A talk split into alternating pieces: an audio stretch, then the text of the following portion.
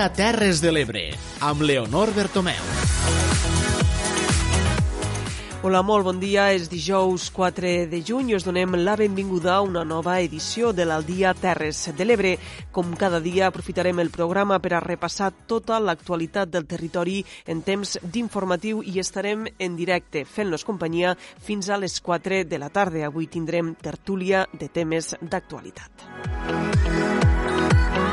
Abans, però, d'entrar en els continguts que tenim preparats eh, per a avui, recordem totes les persones que fem possible este programa i que són Tere Giné i Clara Seguí des de la Plana Ràdio, Núria Mora, Clàudia Ruiz i Xavier Falcó des de Ràdio Tortosa, Laia Oltra, Francesc Callau i Daniel Rodríguez des de la Cala Ràdio, Judit Castells i Jonathan Valls des de Ràdio Joventut, Eduard Carmona des de Ràdio Delta i Tomàs Ginestra, Jordi Galo i Manel Ramon des de Amposta Ràdio.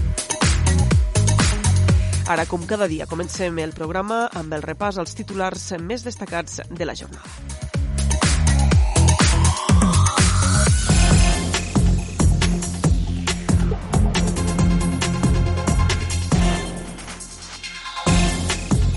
Els ho venim explicant des d'ahir. El Parlament de Catalunya dona llum verda a la proposició de llei de protecció de les oliveres monumentals. La llei arriba, però, sense el consens de tothom.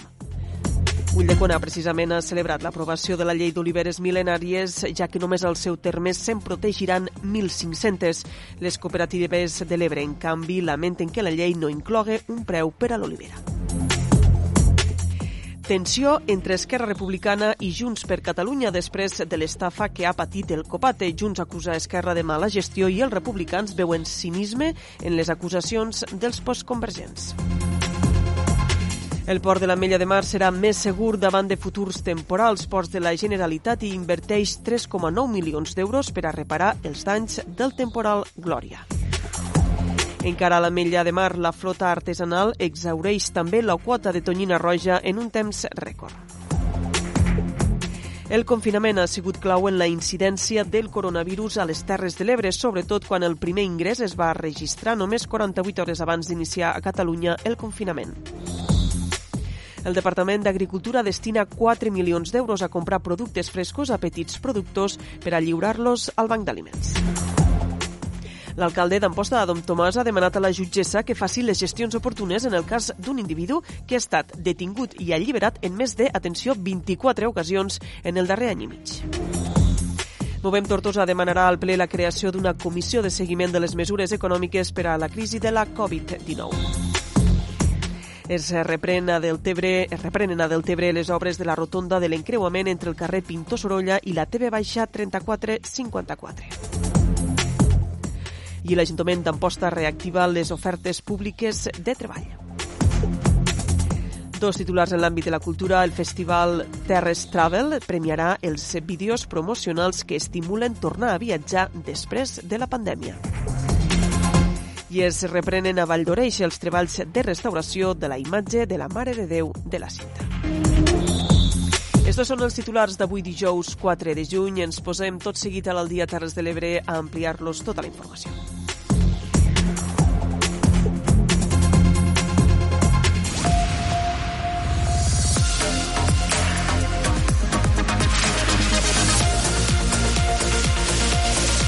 Al dia, les notícies de les Terres de l'Ebre.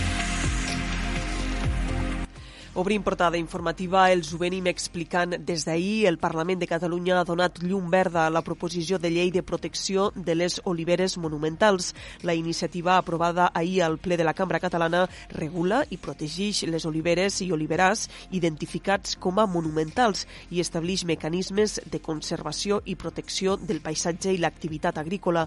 El text que va arribar al ple amb 41 esmenes vives no va aconseguir la unanimitat de tots els grups.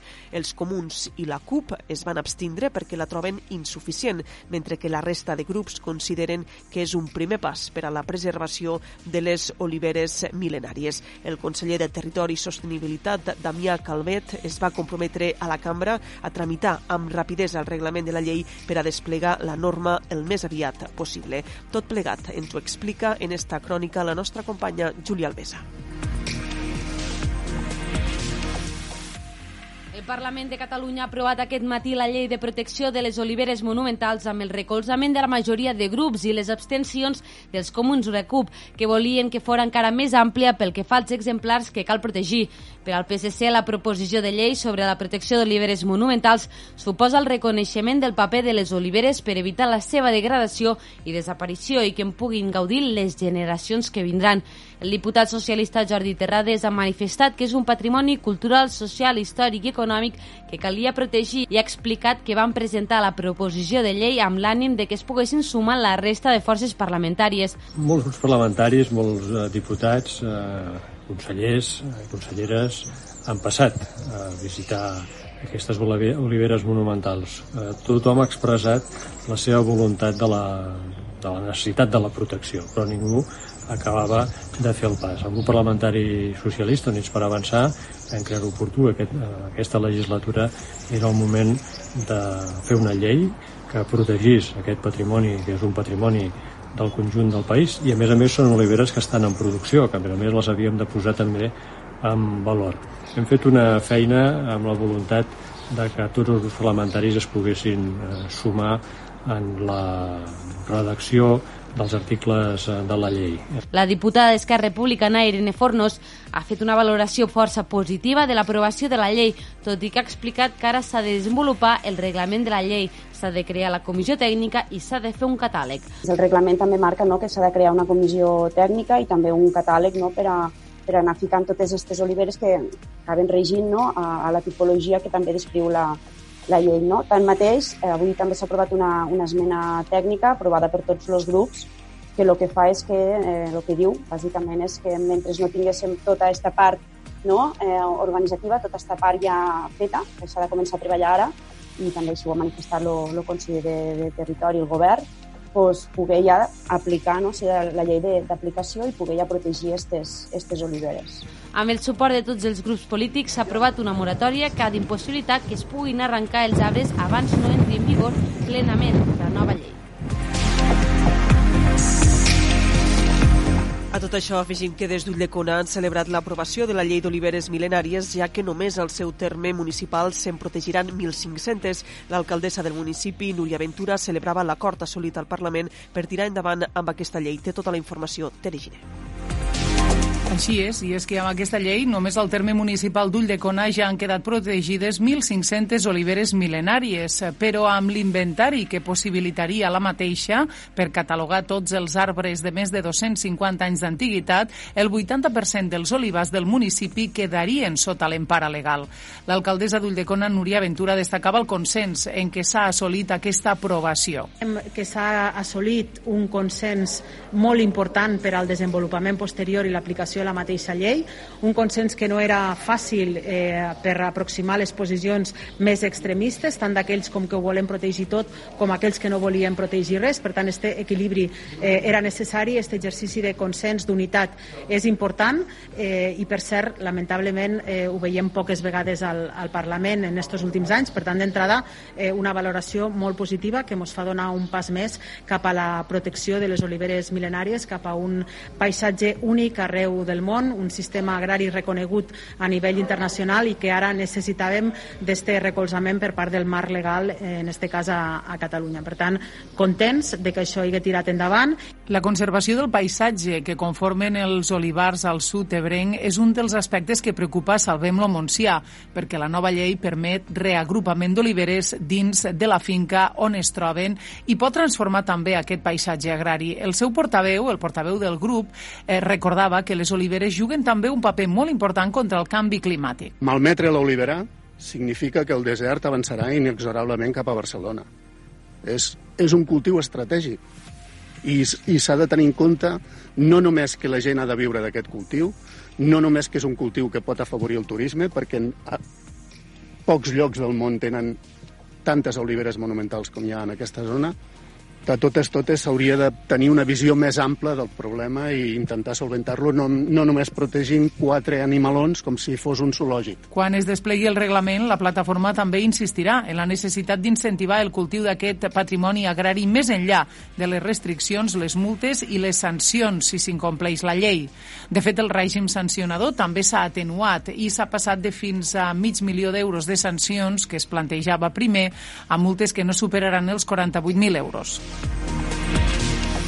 I seguim en línia amb la plana ràdio, ja que davant d'esta aprovació de la llei de protecció d'oliveres monumentals, les eh, cooperatives olivareres de l'Ebre i la Unió de Pagesos lamenten que la llei no incloga un preu per olivera.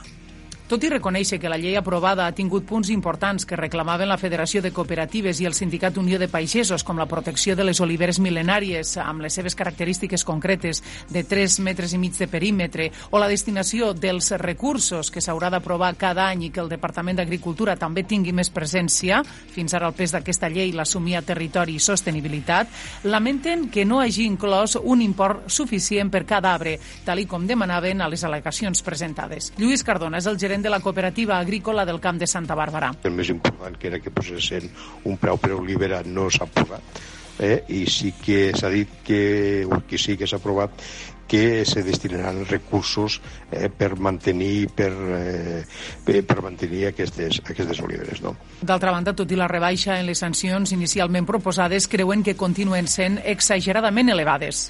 Eh, una altra cosa que també s'ha lograt, però que ha sigut molt insuficient pel que es demanava, és la rebaixa de les sancions, que eren, eren aberrants, eh, i aquestes sancions s'han pues, rebaixat, però considerem el sector que segueixen sent molt, molt insuficients. Es valora positivament que la normativa preveu destinar recursos públics al manteniment d'aquests arbres i es tingui també en compte l'opinió dels seus propietaris. Cooperatives i sindicats agraris volen també que en el moment que es desenvolupi el reglament d'aplicació d'aquesta normativa s'incloguin representants del sector agrari dins de la comissió tècnica.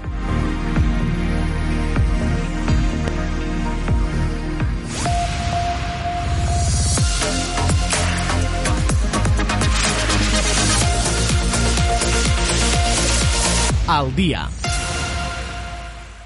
Seguim repassant l'actualitat a l'Aldia Terres de l'Ebre. Obrim ara la crònica política. L'escalada de la tensió entre Esquerra Republicana i Junts per Catalunya va en augment al territori. L'últim episodi s'ha dut a terme en coneixes l'estafa que ha patit el Copate. Junts per Catalunya no ha dubtat en atacar a l'ENS i acusa el seu president, Joan Alginet, d'Esquerra Republicana, de mala gestió. Els republicans, per la seva banda, veuen cinisme en l'acusació dels postconvergents. Té tota la informació, Judit Castells. Fa uns dies que coneixíem que se'ls havien estafat 400.000 euros al Copate amb el canvi fraudulent del número de compte corrent de l'empresa que gestiona les deixalleries Nordbert. Des del Copate asseguren que la ràpida actuació els ha permès recuperar 232.000 euros dels 400.000 estafats. Després de les acusacions per part de Junts per Catalunya de mala gestió de l'ENS, des del Copate responen a aquests retrets com a acusacions inadmissibles. Escoltem a Joan Alginet, president del Copate. Un comunicat que només busca desprestigiar l'honorabilitat del Consorci i del seu president. Un comunicat que pretén eh, desprestigiar la feina impoluta i tècnica que este Consorci porta fent i impulsant a l'Ebre des de fa 30 anys. També demanen a Junts per Catalunya que aclareixi a qui representa i en nom de qui s'ha fet aquest comunicat. Des de que va aparèixer aquesta informació a la premsa, no hem deixat de rebre l'escalf de diversos representants de Junts per Catalunya a les Terres de l'Ebre. Per una part, ataquen, per una part intenten posar al foco mediàtic una notícia que és negativa i després, al mateix text, a pie de pàgina, ofereixen totes les seues bones bondats, voluntats i disposicions. És incompatible intentar embrutar la imatge d'un consorci d'un president i després oferir mà estesa. No ataquen eh, Esquerra Republicana, no ataquen ni tan sols a Joan Alginet, malgrat que alguns tenen especial eh, interès, eh, perquè volen traslladar debats i polítiques eh, locals a un òrgan tècnic, acaben atacant a la institució. I, per defecte, acaben atacant als tècnics i professionals que porten 30 anys impulsant polítiques ambientals de referència a les Terres de l'Ebre. El Ginet assegura que des de l'ENS van reaccionar immediatament en conèixer que es tractava d'una estafa. Asseguren a més que les persones que han suplantat el compte de Norbert són expertes en falsificacions i que van enviar tots els documents que se'ls requeria sense aixecar cap sospita. Sembla que per la metodologia de l'operativa si, eh, segueixen els mateixos procediments a totes les administracions que han estat víctimes, des de la Paeria de Cervera fins als ajuntaments que, que els he esmentat, segueixen la mateixa operativa, evidentment desconec que tinguen res a veure unes operatives a les altres en, en una realitat o en una altra. Això ho desconec. Eh, en tot cas, sí que els hi, els hi puc dir perquè és així, no? ho hem vist. Eh, en tot cas, són grups experts que saben el que fan, que són un procediment habitual que normalment pues bé, tenen, eh, tenen una, una metodologia d'actuació que, que, que, que en molts casos supera eh, les connexions en el propi estat espanyol. Eh? És a dir, per tant, estaríem parlant de, de grups que possiblement tenen vinculacions fora d'aquí. Eh? Però, en tot cas, més informació no la tenim. En tot cas, això està baix secret de sumari eh? i ho està portant... Eh, la justícia. El Ginet assegura que els 168.000 euros que de moment els han estafat és un import que no afectarà en cap cas ni a l'estructura ni els finançaments dels serveis ni tampoc repercutirà als municipis. Ens ocupem ara d'altres qüestions. Els treballs per reparar els danys estructurals provocats pel temporal Glòria al port de la Mella de Mar costaran 3,9 milions d'euros i serviran per preparar el dic de RC al canvi climàtic. Ahir dimecres, l'alcalde i el director general de Ports van comprovar com avancen les obres. Ens ho explica Francesc Callau. L'actuació ha començat per l'inici del dic exterior amb la reposició de pedres d'escullera, tot i que la part més malmesa és la del tram final.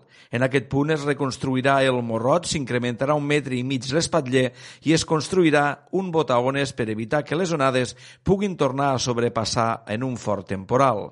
Joan Pere Gómez és el director general de Ports. El port és un lloc segur. Si nosaltres el que fèiem era fer el mateix que havia trencat la Glòria, ens trobaríem que en un pròxim Glòria ens tornaríem a trobar amb els mateixos problemes. Per tant, què hem fet ara aquí? No només hem arreglat els danys estructurals que ens havia fet la Glòria, sinó que, a més a més, estem preparant els ports de cara al futur.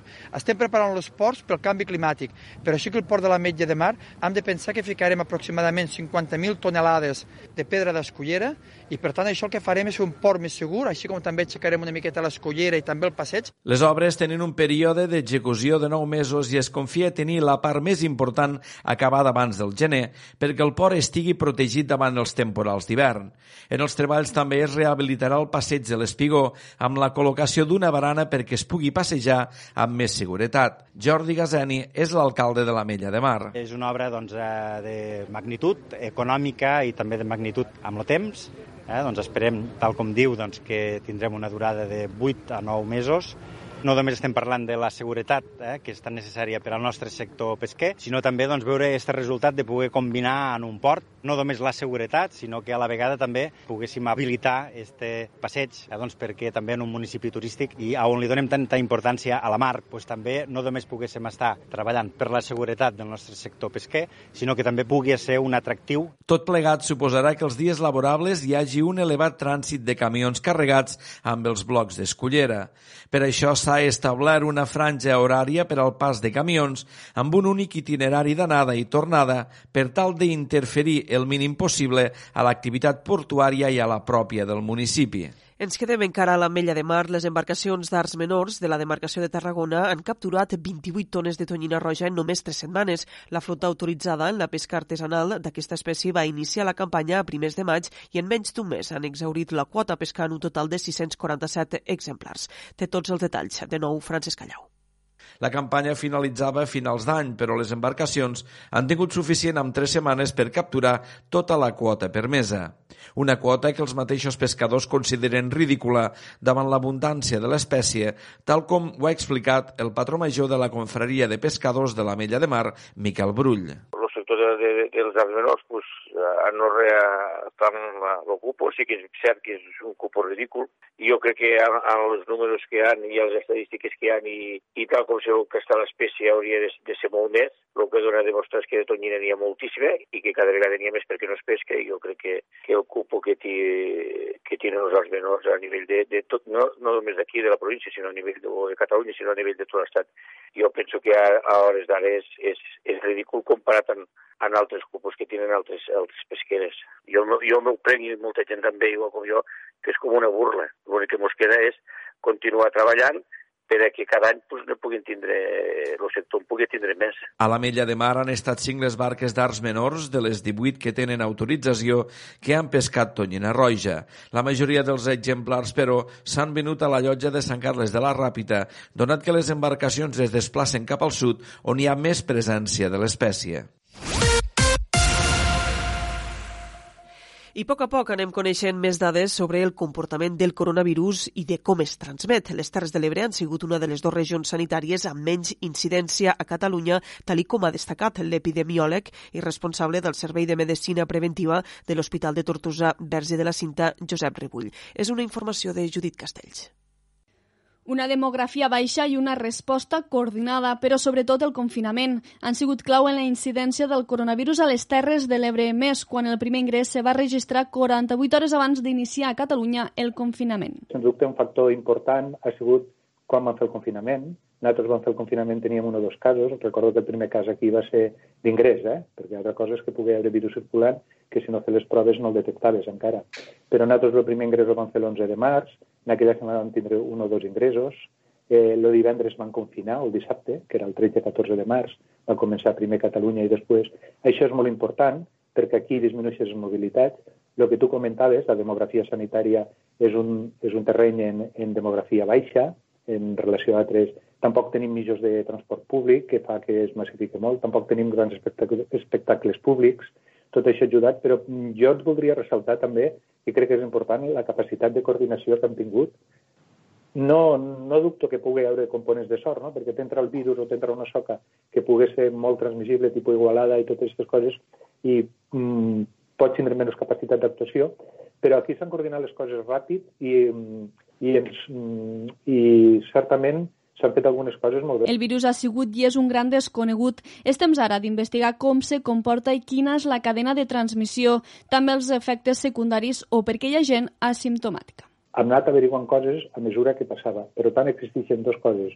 La transmissió simptomàtica i, com tu dies, també com les persones, els virus, uns poden tenir una capacitat de més transmissió que uns altres perquè són soques, diguéssim, més infectives i són, eh, estos individus són hipertransmissors també pot anar la càrrega viral, moltes variables que estem estudiant i això faria que, que tinguéssim que controlar diferents aspectes. No podem fer, diguéssim, una, una mitja normal, però que sí també sabem és que quan tu actues sobre la cadena epidemiològica en la fase de transmissió, fent distanciament social, fent mesures higièniques, ficant la mascareta, fent rentat de mans, tot això disminueix molt, molt la transmissió. Ens quedarien estos asimptomàtics, però en la distància social també tot això ho hem anat aconseguint. Se treballa en aquest sentit amb la hipòtesi de que el pacient zero de les Terres de l'Ebre se va infectar a Madrid. Hi ha diferents hipòtesis, però està fent epidemiologia ter territorial i, com sabeu, la regió sanitària és que vos dona totes les dades en aquest aspecte. Ells estan buscant ara l'epidemiologia territorial, junt amb Tarragona també, epidemiologia de Tarragona, eh, el, el primer cas. Sí que hi ha hipòtesis que la, els primers casos podien vindre d'unes infeccions ocorregudes a Madrid, però són hipòtesis i deixem un estudi perquè ho estan fent ells en aquests moments. No és fàcil buscar el pacient zero, i més quan tu ja has pogut tindre virus circulant en un moment determinat i el que veus al final és el que ingresses, no els que tens a la comunitat. Des del Servei de Medicina Preventiva s'alerta que tot i que estem en desescalada, el perill existeix. També s'assegura que l'estar atents que passa amb la tardor quan serà clau conèixer la cadena de transmissió del virus. La normalitat no serà de normalitat, de tantes coses perquè hem estat avisats, no? I ara el en aigua tibia de prou, no? Pues, eh, almenys els, els sistemes sanitaris i tots els sistemes socials importants que han estat implicats, com a mínim hem de preveure que pugui vindre una segona onada. Això s'ha de preveure. Entre altres coses, ara s'estan fent els estudis immunitaris a la, als treballadors i a una part de la població, s'estan fent mostrejos, no? I hem vist que la província de Tarragona té 1,6% de gent immunitzada. En altres Terres de l'Ebre que doncs, probablement estarem al voltant de menys d'un 5%. No? Això vol dir que quasi el 99% de la població no hem passat el virus. Casos sospitosos a banda, fa més d'un mes que no hi ha cap ingrés hospitalari per Covid-19.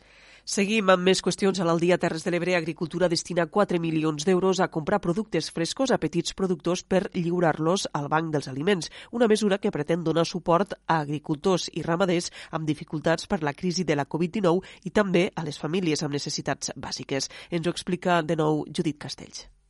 El Departament d'Agricultura, Ramaderia i Pesca de la Generalitat de Catalunya destina 4 milions d'euros per impulsar la compra de productes frescos als petits productors catalans que tenen dificultats per accedir als grans canals de distribució a causa de la crisi de la Covid-19. Una iniciativa que, a més de donar suport econòmic als petits productors del territori i evitar el malbaratament d'aquests aliments també preveu que tots aquests productes adquirits per la Generalitat siguin entregats a la Fundació de Banc dels Aliments, un fet que farà que tots aquests productes puguin contribuir a cobrir les necessitats de les famílies en situació més vulnerables que ha crescut durant la crisi social per la Covid-19.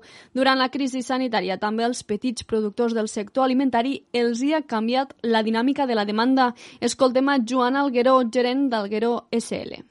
Mm, hi ha hagut un canvi de costums. Mm, durant el temps que portem a estar ara, eh, hostaleria ha estat tancada i, lògicament, el canal Oreca ha desaparegut, però ha augmentat el consum, eh, el consum a casa, el consum de, de botiga.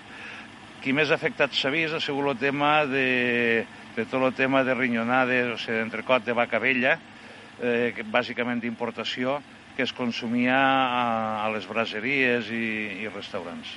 Aquesta iniciativa durarà dos mesos i hi poden participar agricultors i ramaders de tot Catalunya.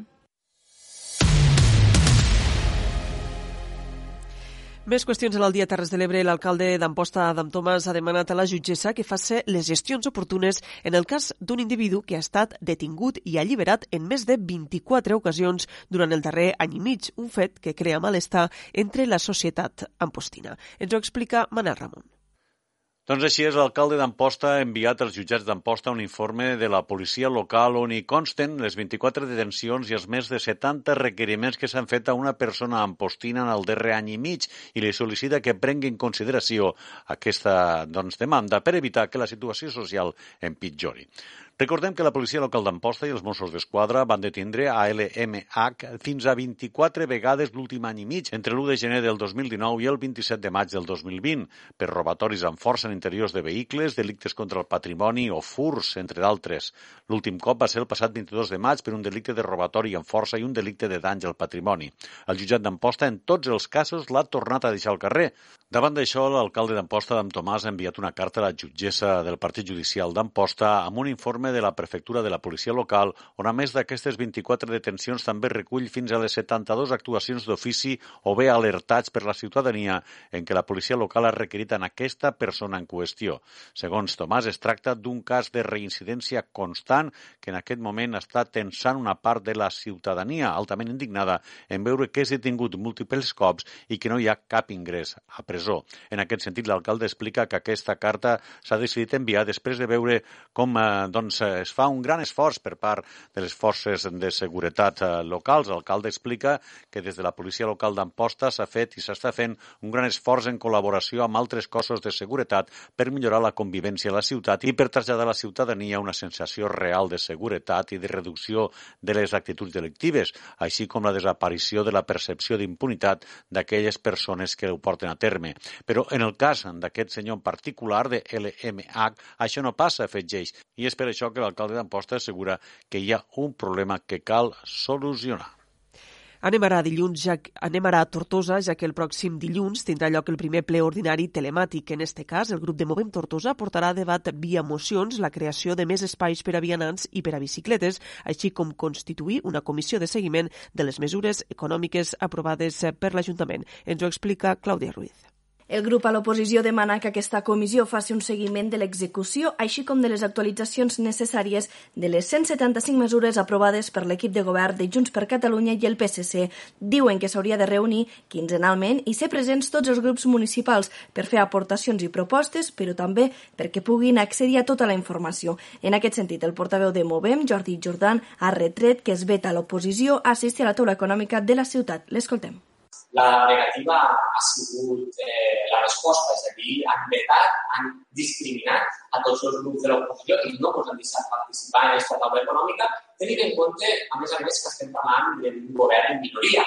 Per tant, eh, nosaltres pensem que les coses s'han de fer de manera diferent, que cal abordar-ho de manera col·lectiva, que cal apostar per la transparència la segona moció portarà davant la creació d'ampliar els espais destinats als vianants i les bicicletes. Consideren que la crisi del coronavirus és una oportunitat per apostar pel transport sostenible i saludable. Per això proposen un pla de xoc de 10 mesures. Entre elles hi ha la modificació de la regulació dels semàfors per reduir el temps d'espera dels vianants o accelerar la millora, connexió i ampliació dels carrers bici de la ciutat, tal com es va aprovar al ple del passat desembre.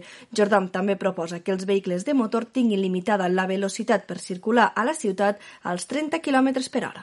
Per tant, nosaltres el que volem és una tortosa a 30 eh, km per hora perquè pensem que d'aquesta manera se facilitaria el trànsit i, evidentment, això facilitaria, milloraria el que és el desplaçament tant a peu, que és el majoritari que pensem que hauria de ser, com també en bicicleta. Evidentment, exceptuant aquelles vies que per diferents motius, sobretot les principals, s'han de mantenir als 50 eh, quilòmetres per hora. Pel que fa a les bicicletes, demanen instal·lar més aparcaments i establir tot un pla de mobilitat coordinant amb les diferents MDs i amb el municipi veí de Roquetes i per tal de fomentar-ho posen sobre la taula la possibilitat d'establir ajuts econòmics per a la compra de bicicletes elèctriques. Anem ara fins a Deltebre. El Departament de Territori i Sostenibilitat ha reiniciat esta setmana les obres de la nova rotunda, la cruïlla entre el carrer Pintor Sorolla, la carretera TV Baixa 3454 i el pont sobre el canal de l'Esquerra de l'Ebre que connecta amb la T340.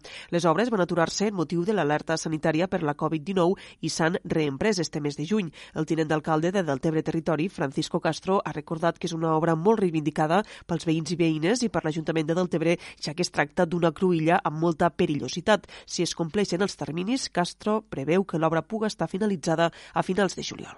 Aquesta setmana han reemprès les obres, que, que, bueno, que la previsió de l'obra pues, era d'acabar-se a principis de, a principis de juny, però la última visita d'obra, però en tot el retras i els dos mesos que han portat de retras, pues, suposo que per anar anant mig bé s'acabarà pues, a finals de juliol.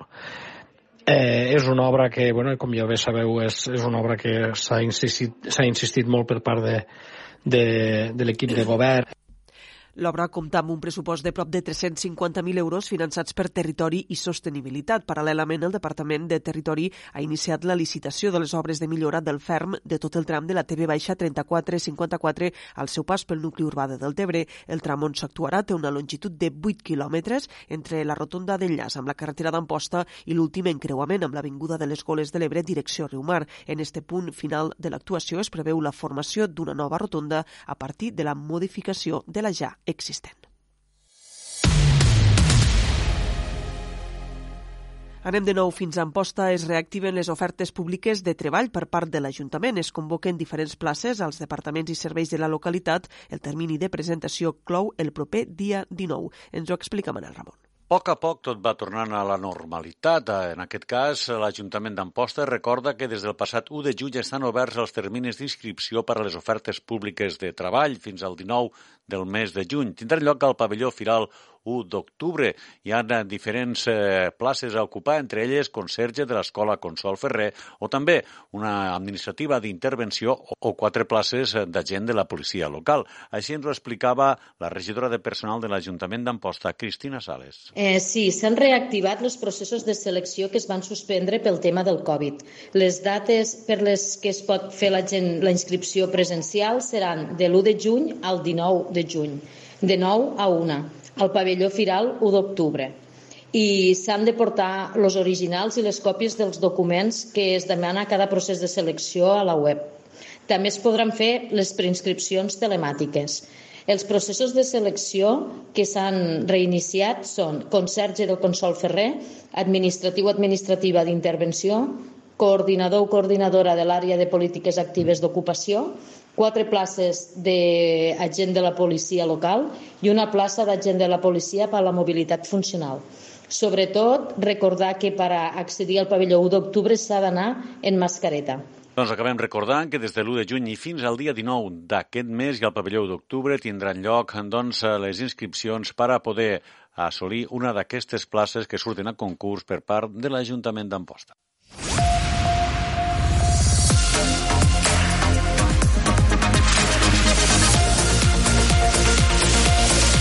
Al dia.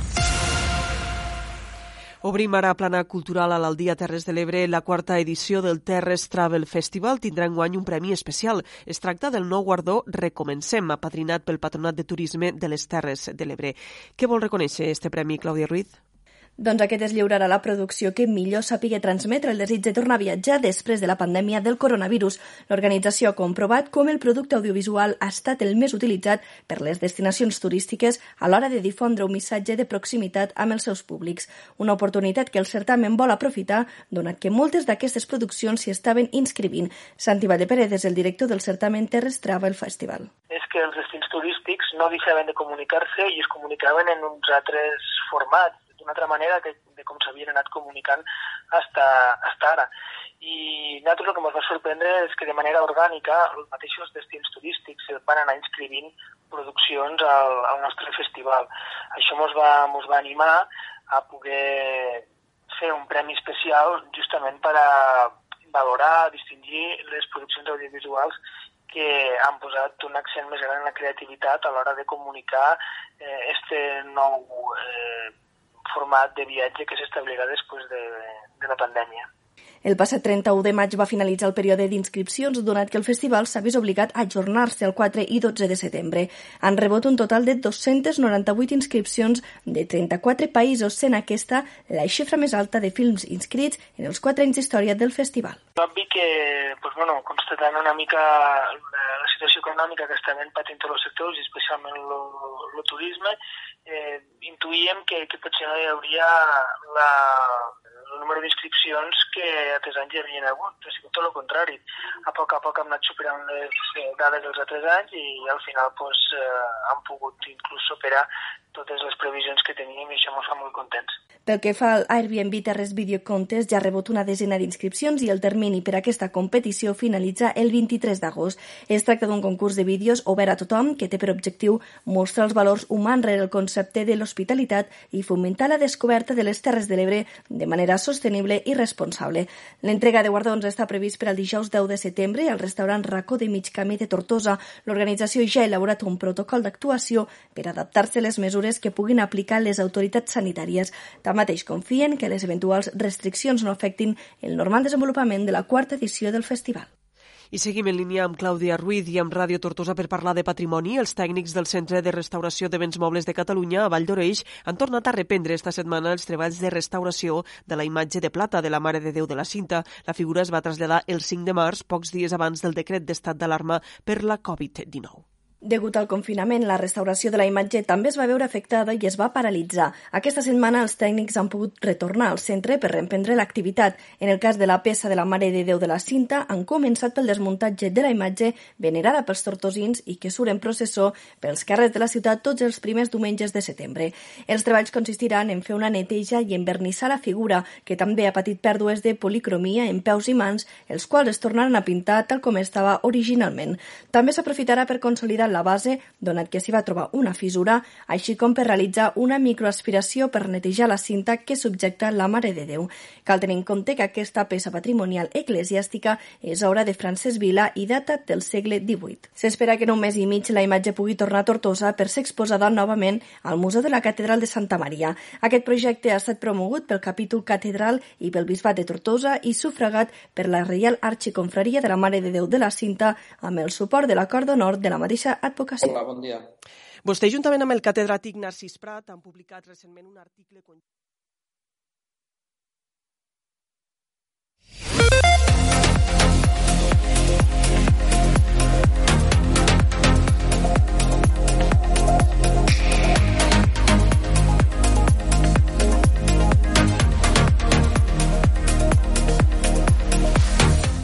Com abordar el problema de la regressió al Delta de l'Ebre és una qüestió que està a l'ordre del dia. Avui, a l'espai de l'entrevista, rebem a l'investigador del programa d'aigües marines i continentals de l'IRTA, el doctor en biologia Carles Ibáñez. Bon dia.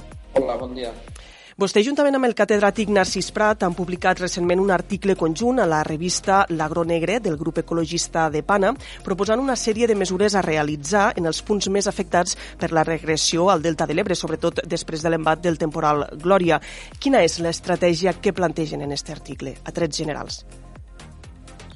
Bueno, són dos, dos estratègies de, de recorregut diferent però que totes són urgents i totes impliquen començar a fer coses ja, no? De fet, s'hauria d'haver començat a fer coses fa anys i el problema és que ara tot és més difícil perquè no es va començar a actuar fa 10, fa 20 anys, que és quan bueno, ja sabíem que hi havia aquests problemes i no, no es va actuar. No? Una és anar a l'origen de la causa, no? que és la, la falta de sediments.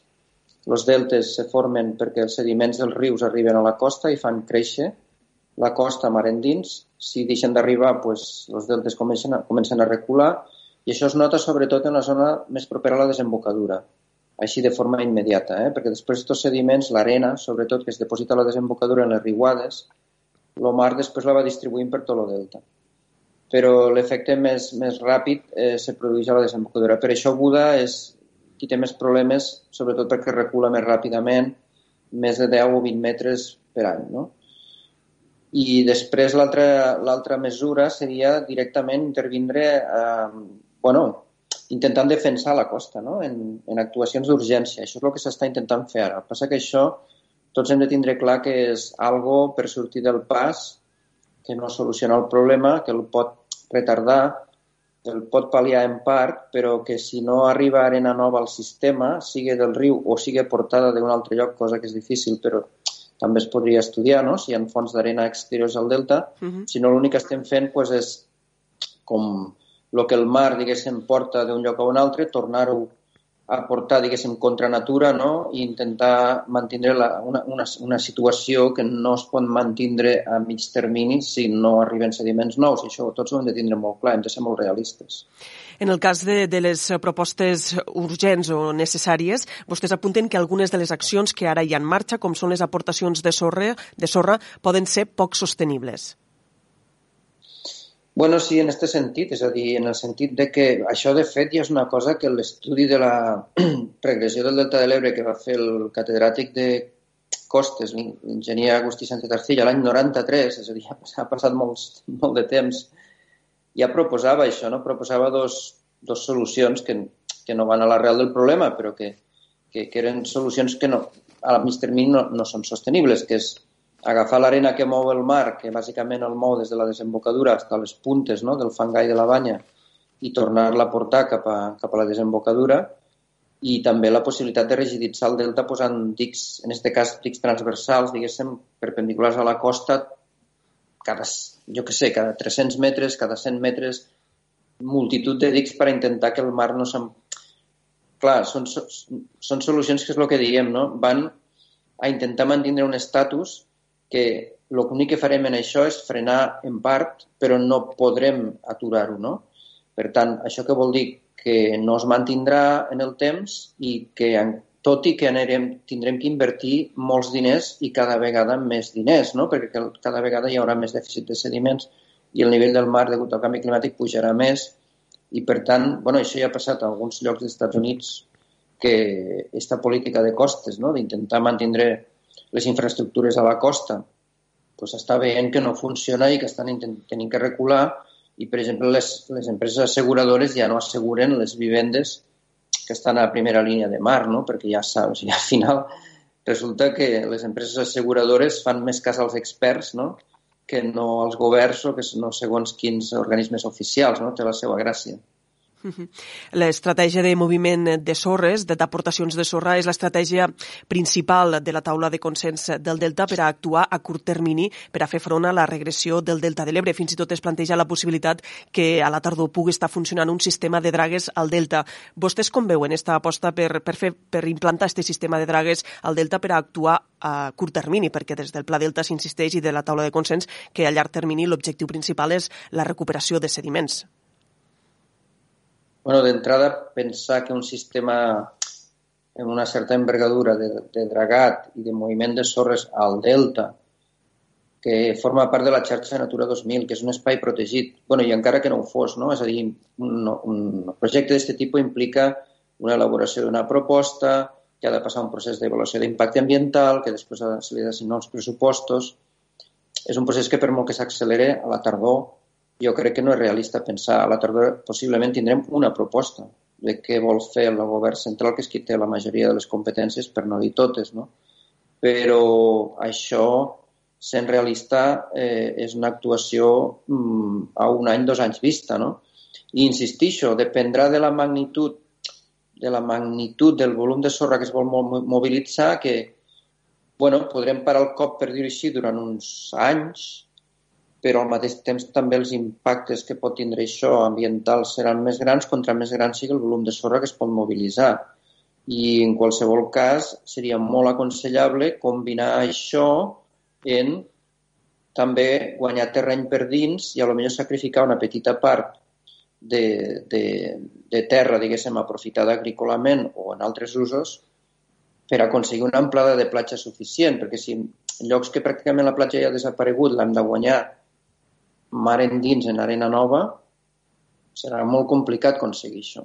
Si guanyem una part en arena nova i una part mm, per, per l'interior, segurament és més sostenible i és molt important perquè la, si no hi ha una amplada suficient de la platja, eh, pues, si hi ha un temporal gran tampoc aguantarà, no? I per tant hauríem d'aconseguir una amplada de platja de 150-200 metres que ja vam veure a les zones que això estava, en el cas del Glòria, que, que, que les platges van aguantar, no? O sigui que tenim l'exemple en el que va passar que en un temporal extrem les platges com a eucaliptus, que eren amples no? i que podien parar el cop de les onades, pues van, van resistir.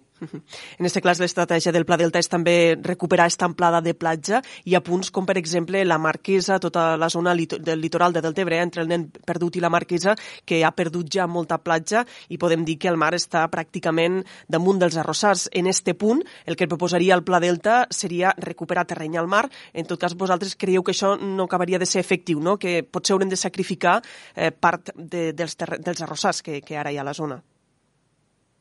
Bueno, clar, això és, precisament són l'anàlisi tècnic d'això i de les solucions és el que és important fer, no? I per això dic que no és una cosa que es pugui, crec jo, decidir ni fer eh, a correcuita, no?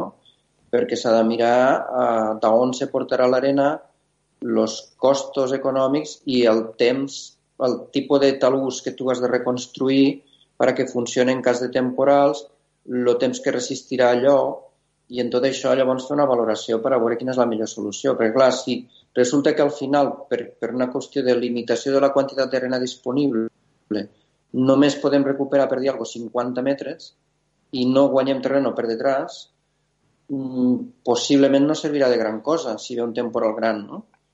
Llavors, eh, bueno, pues això és, és, és el que s'ha de deixar una mica en mans dels experts i dels tècnics, la, la valoració, i acabar decidint quina és la millor solució des d'una de, des de sèrie de punts de vista una mica objectius, no? perquè si al final fem alguna perquè algú considera que és el que s'ha de fer per criteris, si tu vols, populistes, polítics, el que sigui, però després no funciona, ens equivocarem, no? que moltes vegades és el que passa.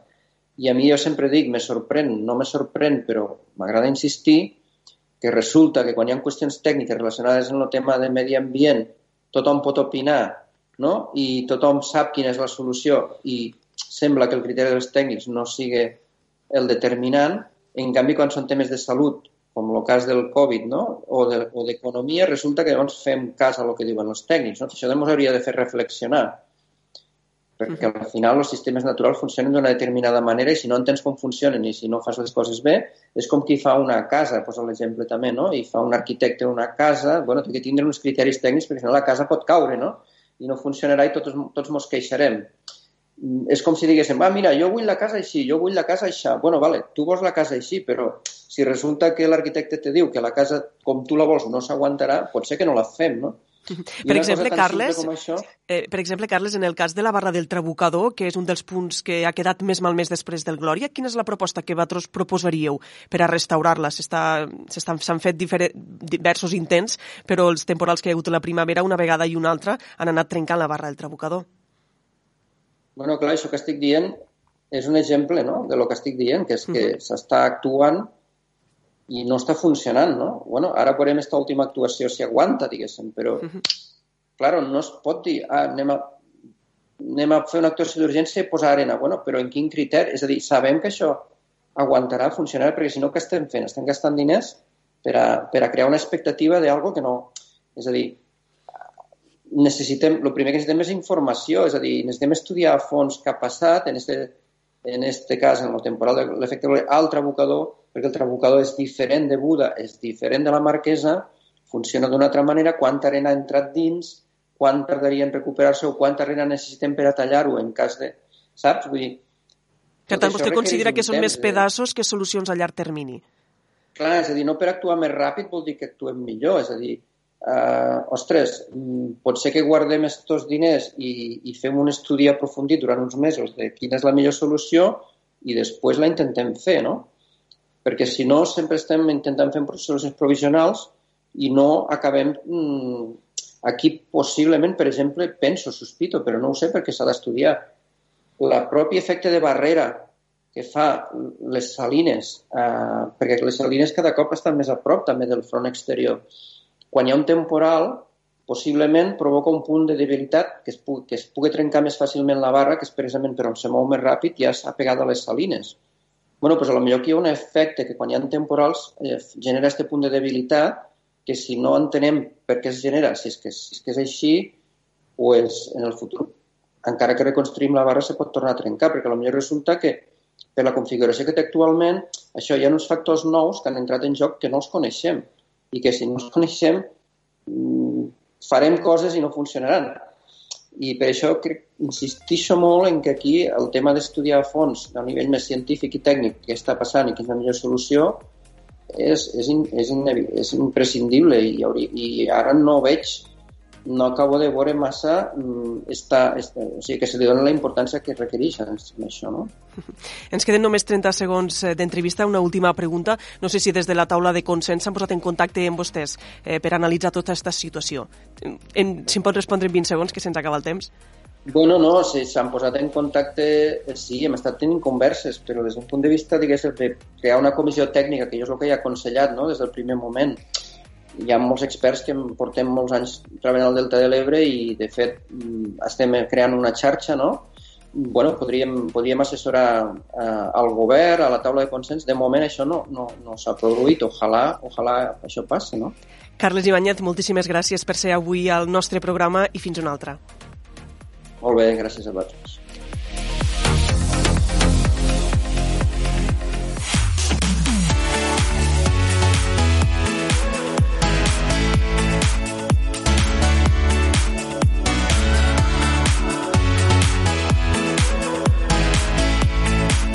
Dia, l'agenda de les Terres de l'Ebre. I ens queda justet un minut de programa. Anem ara a repassar els actes d'agenda que ens proposen des de Ràdio Tortosa. Clàudia Ruiz, bon dia. Bon dia, Leonor. Encetem l'agenda destacant que avui tindrà lloc a les 6 de la tarda un tas d'olis online. Es tracta d'un dels actes que es va voler dur a terme en la 17a Fira de l'Oli de Godall, suspesa els dies 14 i 15 de març. Ara reprograma des del perfil d'Instagram de la Crimaolea. Per seguir-lo en directe, la web online de la cooperativa ha posat a la venda un pack de tast a un preu especial de 20 euros. I el Departament de Cultura de la Generalitat celebrarà aquesta tarda i també en un format online el Dia de l'Associacionisme. Serà a través del canal de YouTube a a partir de les 7 de la tarda i participarà actuant la banda de la Cala de l'Atmella de Mar. En aquesta gala virtual rebran el reconeixement la banda municipal d'Alcana pel seu 175è aniversari i la banda municipal d'Ulldecona pel seu 150è. I fins aquí la primera hora de l'Aldia Terres de l'Ebre. Ens retrobem en uns minuts amb més continguts.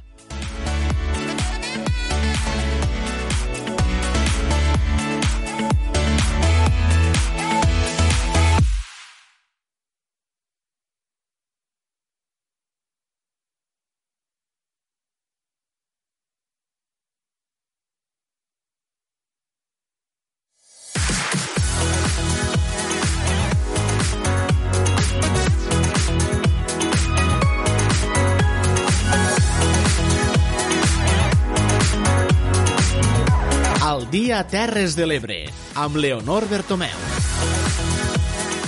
Dos de la tarda i quatre minuts, encetem aquí la segona hora de l'Aldia Terres de l'Ebre.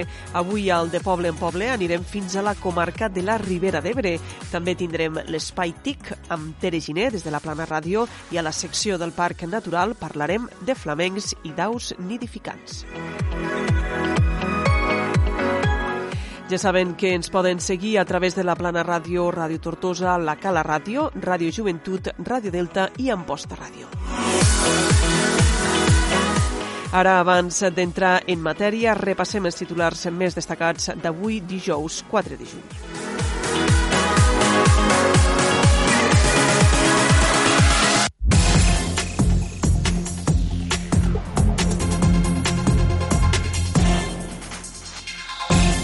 El Parlament de Catalunya dona llum verda a la proposició de llei de protecció de les oliveres monumentals. La llei arriba, però, sense el consens de tothom. Ulldecona celebra l'aprovació de la llei d'oliveres mil·lenàries. Només al seu terme se'n protegiran 1.500. En canvi, les cooperatives olivareres de l'Ebre lamenten que la llei no incloga un preu per olivera.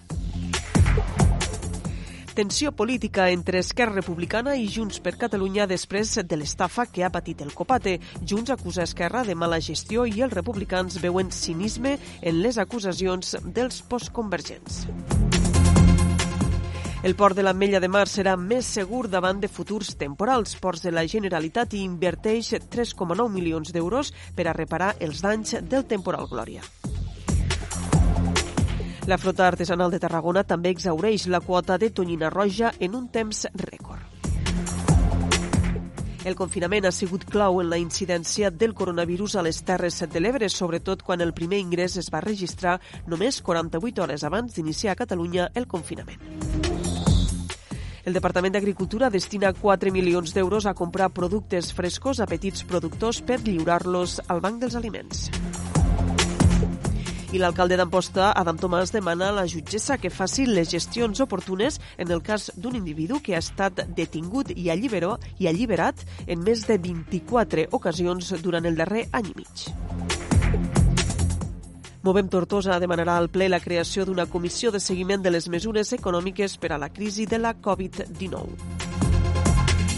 A Deltebre es reprenen les obres de la rotonda de l'encreuament entre el carrer Pintor Sorolla i la TV Baixa 3454.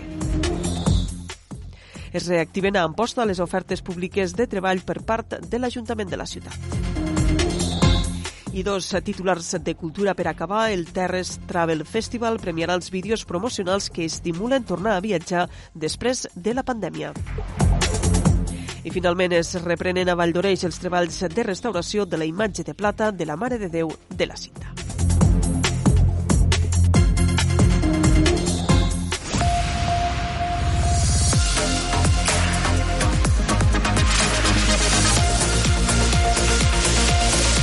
Al dia.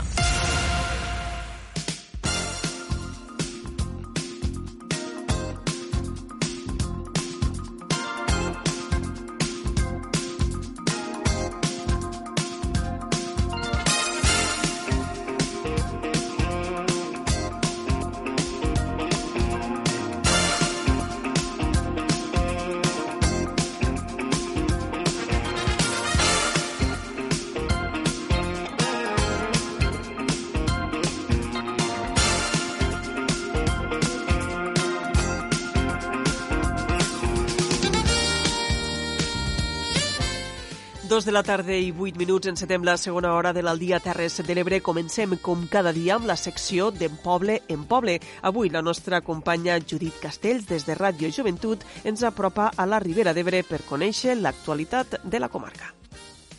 Doncs sí, Leonor, avui més que a un poble en concret marxem cap a una comarca, cap a la Ribera d'Ebre, per parlar de com s'està vivint la situació actual al territori i parlem amb Gemma Karim, la presidenta del Consell Comarcal de la Ribera d'Ebre i també alcaldessa de Vinebre. Gemma, molt bon dia i benvinguda al Dia Terres de l'Ebre. Hola, molt bon dia. Primer de tot, com esteu a la comarca i també al poble? Doncs, bueno, la, la comarca recuperant-se de mica en mica, eh, malgrat que doncs, el ritme encara és, és lent, però de mica en mica pues, anant-se introduint en, en totes les mesures en, en, en una vida més normalitzada, podríem dir. Pal·liar les afectacions econòmiques que ha ocasionat aquesta crisi social és una de les prioritats dels ajuntaments i, de fet, des del Consell Comarcal de la Ribera d'Ebre heu preparat un pla de reactivació econòmica post-coronavirus. En què consisteix aquest pla? Què és el que fareu? Bueno, aquest pla és, sí, és un programa que surt de, del SOC, del Servei d'Ocupació de Catalunya, i aleshores, ens, eh, en aquest cas, el Consell Comarcal de la Ribera, doncs, eh, el treballarem conjuntament amb d'altres diferents agents del territori per buscar doncs, una manera transversal no? a treballar per lo que és el, el futur de, de la nostra comarca en totes les seves vessants.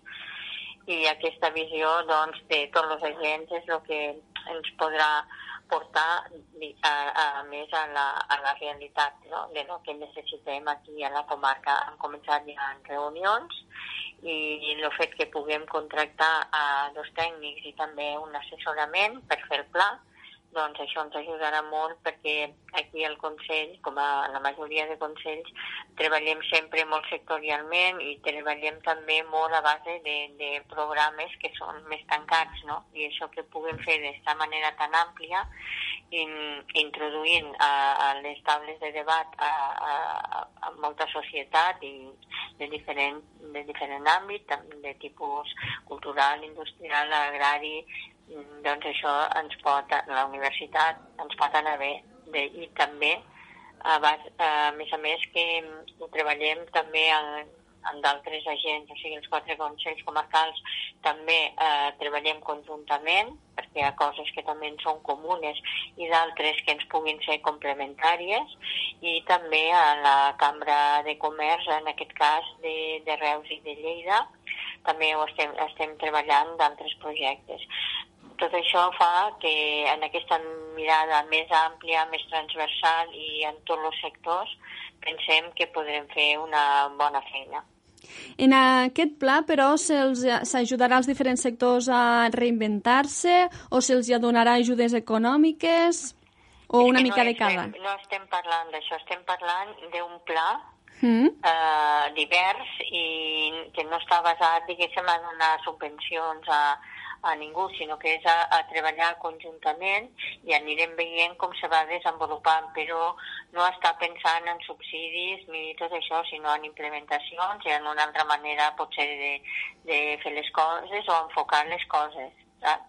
És una mica eh, buscar, buscar un futur potser diferent, potser saps? Exacte. Però no es tracta aquí de repartir eh, ajuts, sinó de treballar conjuntament per lo que a vegades coses que ens puguin ser endògenes i d'altres que les realitats eh, pues, vagin per un altre camí i que haurem d'anar cap allí. No sempre el que s'ha fet potser s'ha fet de la millor manera i bueno, els temps que estan canviant ja ho veiem no?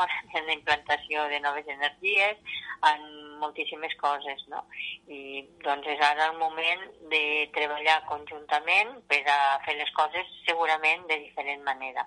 I tant, de fet, sobre el tema de la massificació també no, de parcs eòlics o fotovoltaics, li volia preguntar perquè amb el tema d'aquesta crisi econòmica que s'ha ocasionat fruit de la Covid-19, possiblement hi hagi gent que doncs, s'interessi per llogar o deixar aquestes terres perquè es fiquin a que, a aquests parcs. No sé si això la comarca està preocupant o per això esteu fent una, aquest pla. T'he perdut una mica, que el motiu de ah, la vale. Covid és...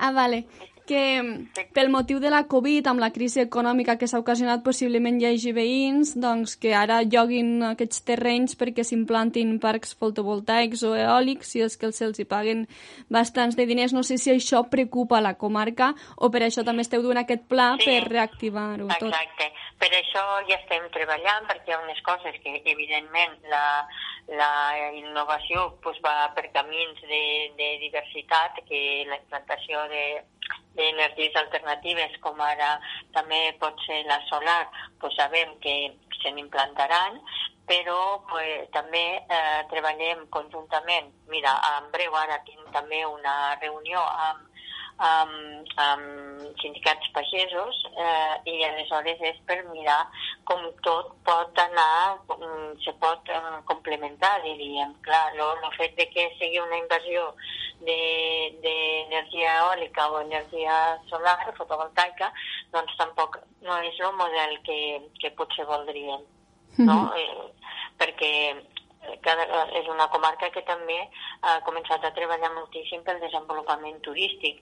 Aleshores, tot ordenat pot ser compatible, però per això és el que te comentava, que hem de treballar conjuntament i transversalment molts agents del territori, perquè, com molt bé deies, eh, gent gran que pues, llogui en, en la seva terra eh, a, pues en, un, en un empresari que per, a, per al rendiment energètic, doncs a millor no totes les terres estem disposats a que si són fèrtils i poden i poden ser, són de cultiu i tenen regadiu, potser allí no és el millor lloc per implantar segons, segons quin tipus de, de fotovoltaica, no?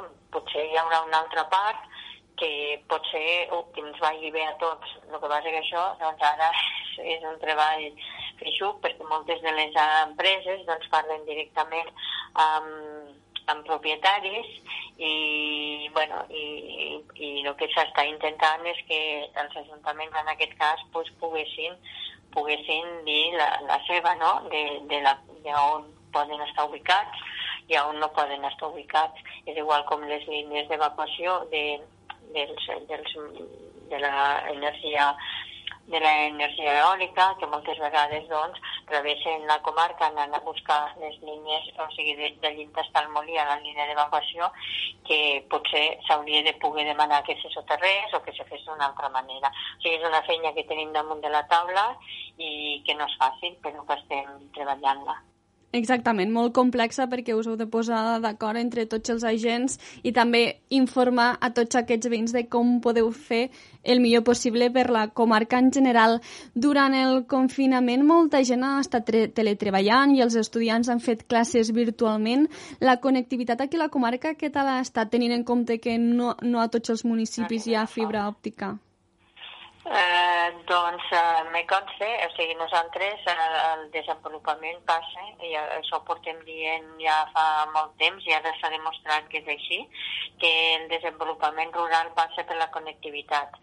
I sempre hem dit, i, ara torno a dir, s'ha quedat ben clar que és així, que en una bona connectivitat eh, podem eh, treballar des de, des de casa nostra, des dels nostres municipis, des de, de l'ambient rural i podem treballar en qualsevol empresa de, del món, no? Perquè molts treballs que en teletreball se poden fer i no cal que estem en una ciutat.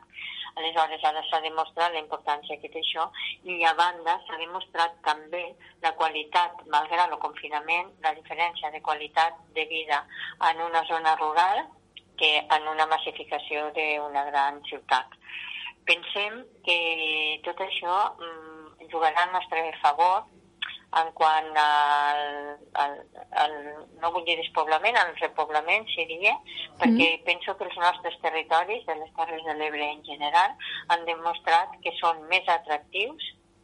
Uh, S'ha demostrat ara no? que, que en uns espais aquesta, aquesta poca població ens ha jugat a favor i això va bé per tot, no? Per, per, inclús per a nosaltres treballar molt més a gust i poder rendir molt més i bueno, penso que s'ha posat en valor la ruralitat i ara el que hem de fer és eh, fer més força per a aquesta connectivitat pugui arribar a tot arreu, perquè sabem que el nostre desig és que la fibra per la C12 vertebri tots els territoris de, de la Ribera d'Ebre. Si bé que la capital de la comarca la té, i algun poble més aprofitant el pas d'una altra, en una altra capital de comarca també la té, els de més pobles, els pobles més petits, com per exemple, parlo del que jo soc alcaldessa i soc de Vinebre, mm. doncs eh, tenim, pues, vam tindre la sort que una empresa mm, d'aquí de les nostres terres pues, va, va desplegar xarxa i tot i que la, la, no connecta directament a la troncal, val a dir que hem pogut fer bé la feina i bueno, n'estem prou contents, però dient la necessitat que tenim de poder-nos connectar a lo que sigui la, la troncal de Generalitat. I tant. Fa un moment també, Gemma, que parlaves d'aquesta importància que voleu donar al sector turístic aquí a la comarca. Eh, des de la Diputació de Tarragona ja fa unes setmanes que van presentar el vídeo promocional aquí a les Terres de l'Ebre, que de fet per aquesta poca població i a tota aquesta naturalesa que l'envolta, doncs seria un dels indrets no, que principals o que més agradarien per, de cara als turistes per dur a terme les seves vacances. Des d'aquí la comarca teniu ganes d'acollir turistes? Esteu optimistes o penseu que de cara a l'estiu potser van més cap a la costa? Bueno, no, pensem que, que aquest any, clar, serà, una, serà, uns, serà molt curt, perquè entre que el turisme, si podem captar turisme d'aquí de Catalunya, per exemple, el nostre gran proveïdor és Barcelona, no? I Barcelona, pues, fins que no, no podrà sortir de, de, la seva, de la seva capital doncs tardarà molt més que nosaltres, que la setmana que ve entre la Costa Dorada i nosaltres segurament entre França i ja podrem, ja podrem anar d'un lloc a l'altre. Sí que creiem, però aquest any no serà exemple de res. Aquest any hem de treballar i hem de tindre tot acurat i qui vulgui vindre pues, podrà gaudir d'uns dies excepcionals perquè perquè serà un lloc on, on se, dels pocs llocs, penso jo, que se podrà anar de vacances. Però no obstant això hem de pensar en, en seguir endavant. Estem al mig de, de projectes de cicloturisme, de senderisme, eh, encara estem treballant en l'OFEDER comarcal que ens vertebre tots els pobles. Aleshores, jo penso que anem pel bon camí. Aquest any pues, ho passarem com podrem, intentarem pues, que juliol i agost eh, puguin haver aquestes activitats a la natura i penso que és el que estem fent la majoria de pobles, donat que d'altres coses tampoc les podrem fer, tot el que serà el medi natural recobra importància i el fet de que se puguin llogar pues, els establiments rurals que tenim i que se pugui donar vida a, als, als, a la gent d'hostaleria i tal, pues és el que nosaltres desitgem. De la mateixa manera que tot això és bo pel producte local. I el producte local també és el que tant del, des del Consell com també des dels municipis, doncs és el que estem intentant lligar, no? Turisme amb producte local, amb patrimoni i, i paisatge, no? I tranquil·litat. I que penso que sí que serà una bona destinació a totes les Terres de l'Ebre en general i la Ribera d'Ebre en particular, no? Però és això, que la temporada serà curta per, per tot plegat, però que de mica en mica doncs, eh, anirem, anirem recuperant-nos. I no ens podem oblidar d'aquest sector tan important per la comarca com és el sector de la pagesia, que en aquests temps sí que ha sigut el dels menys afectats durant aquesta crisi social de la Covid-19 perquè ells han continuat treballant i s'ha vist lo imprescindible que és aquest sector per la societat. I de fet també Rebrotem i Unió de Pagesos ja ha iniciat el procés per fer arribar tots els ajuts econòmics a tots els pagesos afectats per l'incendi de la Ribera d'Ebre de ja fa gairebé un any. Com està el sector actualment? Perquè ja ha començat la temporada de fruita dolça, se preveuen unes sí, millors previsions de la cirera? Hem començat amb la cirera, tot mm. i malgrat les pluges i malgrat tots els malgrats que han hagut, mm. perquè no, no ha sigut fàcil, pues, bueno, el sector eh, hi ha un bon producte i, i pues, està el gran sector, diguéssim, que, que és el que ens ha, que acumula més, més ventes i, i més gent, eh, doncs els resultats estan contents de com estan anant. Va ser el temps pues, també ha sigut una complicació darrere de l'altra, no? Però, bueno, si primer vam començar amb tot el problema que ens venia sobre, les empreses molt amoïnades en com farien per, per, per tot el que era el protocol de la Covid, tot això pues, en treball conjunt s'ha superat, una cosa que tots n'estem molt contents, i doncs la, el sector també content perquè de, de la qualitat i de la venda del fruit.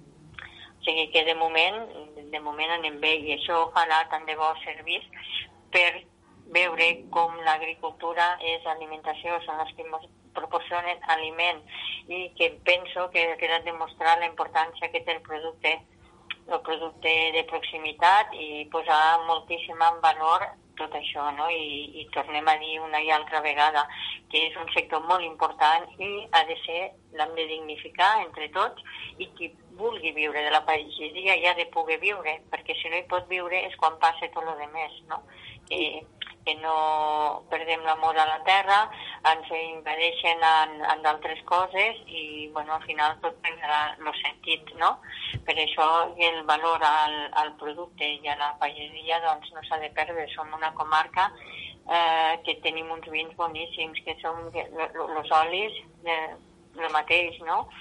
Tenim, produïm moltíssimes coses, horta, de, de tot, hi ha una mica, no? I sobretot la fruita dolça Aleshores, això no ho hem de perdre i, i bueno, hem de també mm, ser conscients que això lloga un munt de gent, la, o sigui, eh, absorbeix un munt de mà d'obra, que també tot genera riquesa i per això la Ribera d'Ebre, en el cas d'aquesta Covid, el sector que és agrari i l'industrial han fet que no fos més desastre que, que en uns altres llocs, no?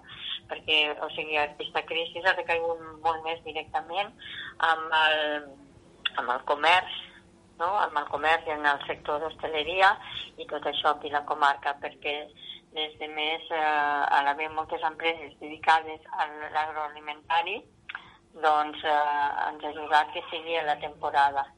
I, i, bueno, i també la indústria de la central que hem agafat, que també hi havia l'aturada la, que fan, no? Mm. doncs que també pues, ha, ha absorbit gent i bueno, no ha sigut tan dolent com hagués pogut ser en una altra època de l'any.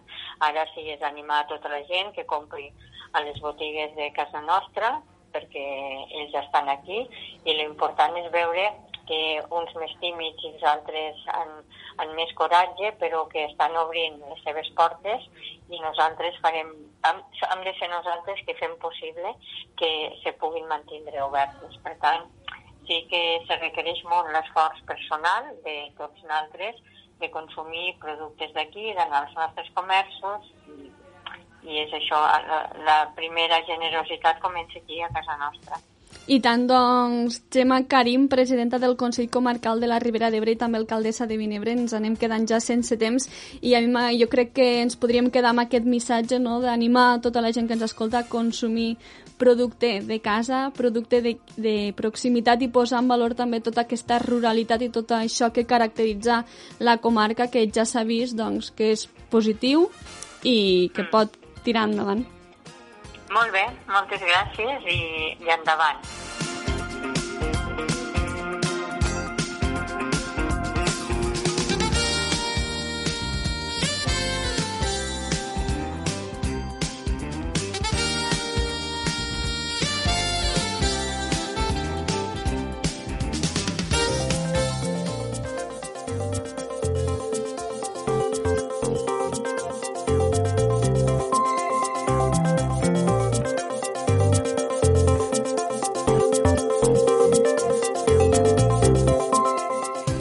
Cada dijous és temps ara al programa per a l'espai de col·laboració amb el Parc Natural del Delta de l'Ebre.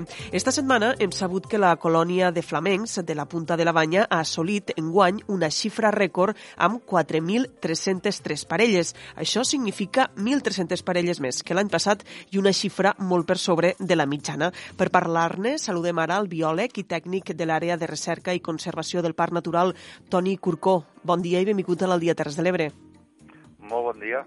Com dèiem, enguany la colònia de flamencs reproductors del Delta de l'Ebre és més nombrosa que mai, amb un recompte de 4.300 parelles. Sí, és correcte, correcte. Ja venim de... Eh, més, més enllà del, del número en concret de 4.300, això s'emmarca dintre d'una tendència des del 2016 que va en augment, no? I a poc a poc ha anat, ha anat augmentant, tot i que cal dir que els flamencs normalment ja fa aquests alts i baixos, eh? depenent en funció de la climatologia o com li va eh, la reproducció en altres llocs, altres colònies de, de tota la Mediterrània, en podem tenir més o menys. No? El que és important és la tendència.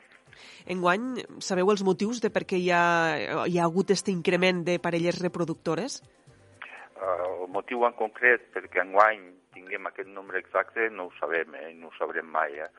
El que és important és que a partir d'uns anys que van ser molt dolents, sobretot per problemes amb, amb depredadors terrestres, eh? la, la guineu, i també problemes amb el gavi argentat, i vam, vam actuar, vam fer algunes actuacions des del Parc Natural i aquestes actuacions que tarden en notar-se els, els resultats, els efectes, els, els comencem a, a tenir actualment. Eh? I nosaltres ho atribuïm a aquestes accions de, de conservació que van fer per aquesta espècie, però també per altres que crien a la Punta de la Banya i que sembla que li comenci a anar bé.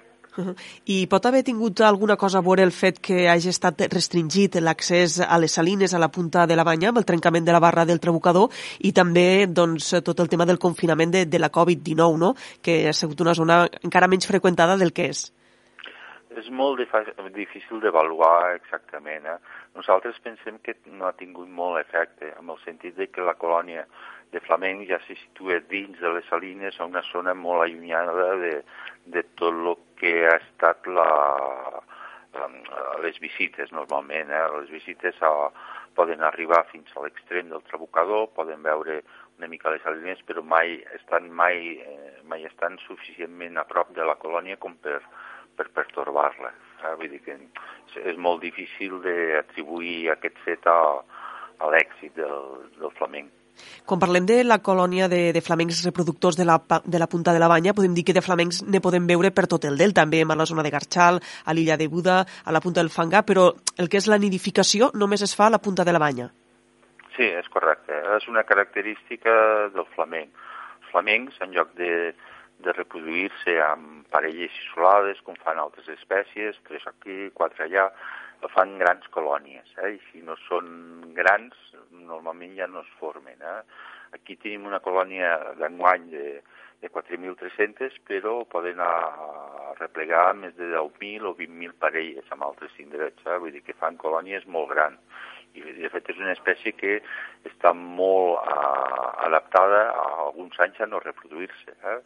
Per què? Perquè a vegades viuen en ambients molt canviants. Imagineu que eh, aquí crien a les salines, però les salines és un ambient eh, antropitzat, eh, no, no, no existeix en condicions naturals. Tenen de bo que tenen unes condicions molt estables.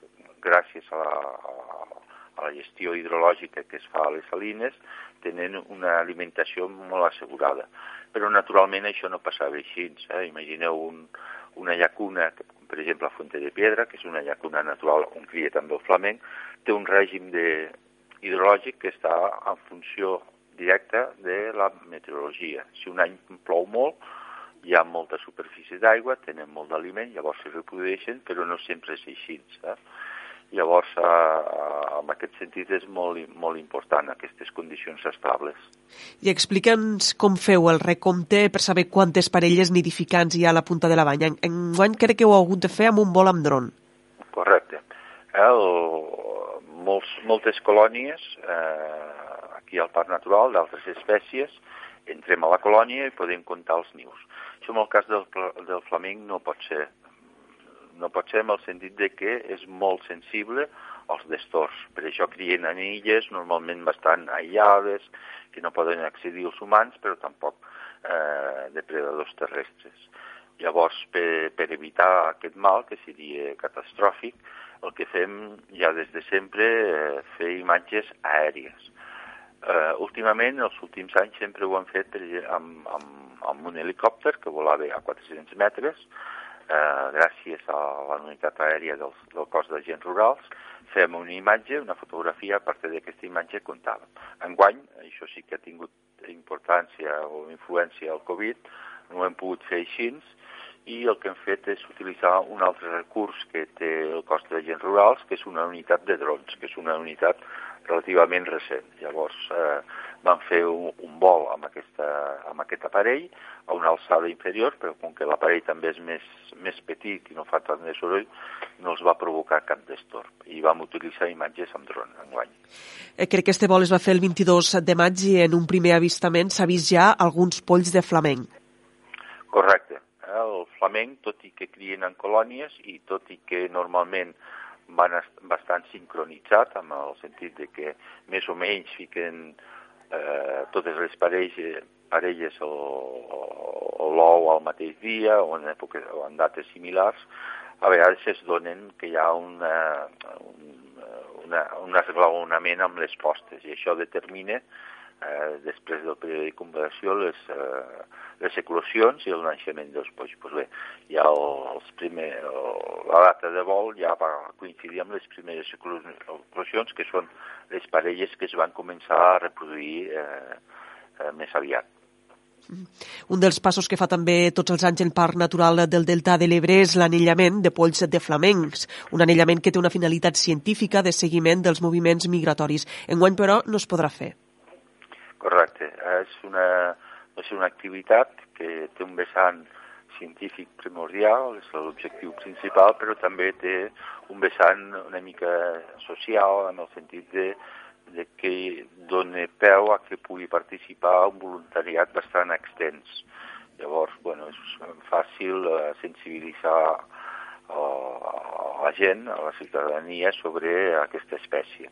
Clar, les característiques de que som més de 200 persones, es fan diverses reunions prèvies a, a recintes tancats i han acabat ja un desplaçament de tot aquest personal al lloc de, de la colònia fa que no, no, no es puguin eh, garantir tota, tots els sistemes de seguretat front a aquesta, front a aquest virus. Cal dir que els anellaments tenen aquesta finalitat científica, no?, de poder seguir els moviments migratoris dels flamencs.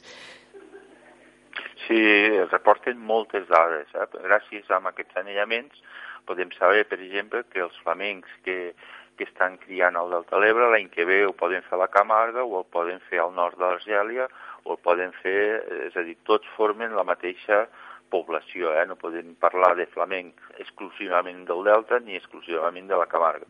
Tots són, són germans, no? i això eh, té una implicació important en el sentit del que, que algun problema que poden tenir a, a França, per exemple, té una repercussió eh, directa sobre la, la conservació del flamenc aquí al Delta de l'Ebre. Eh?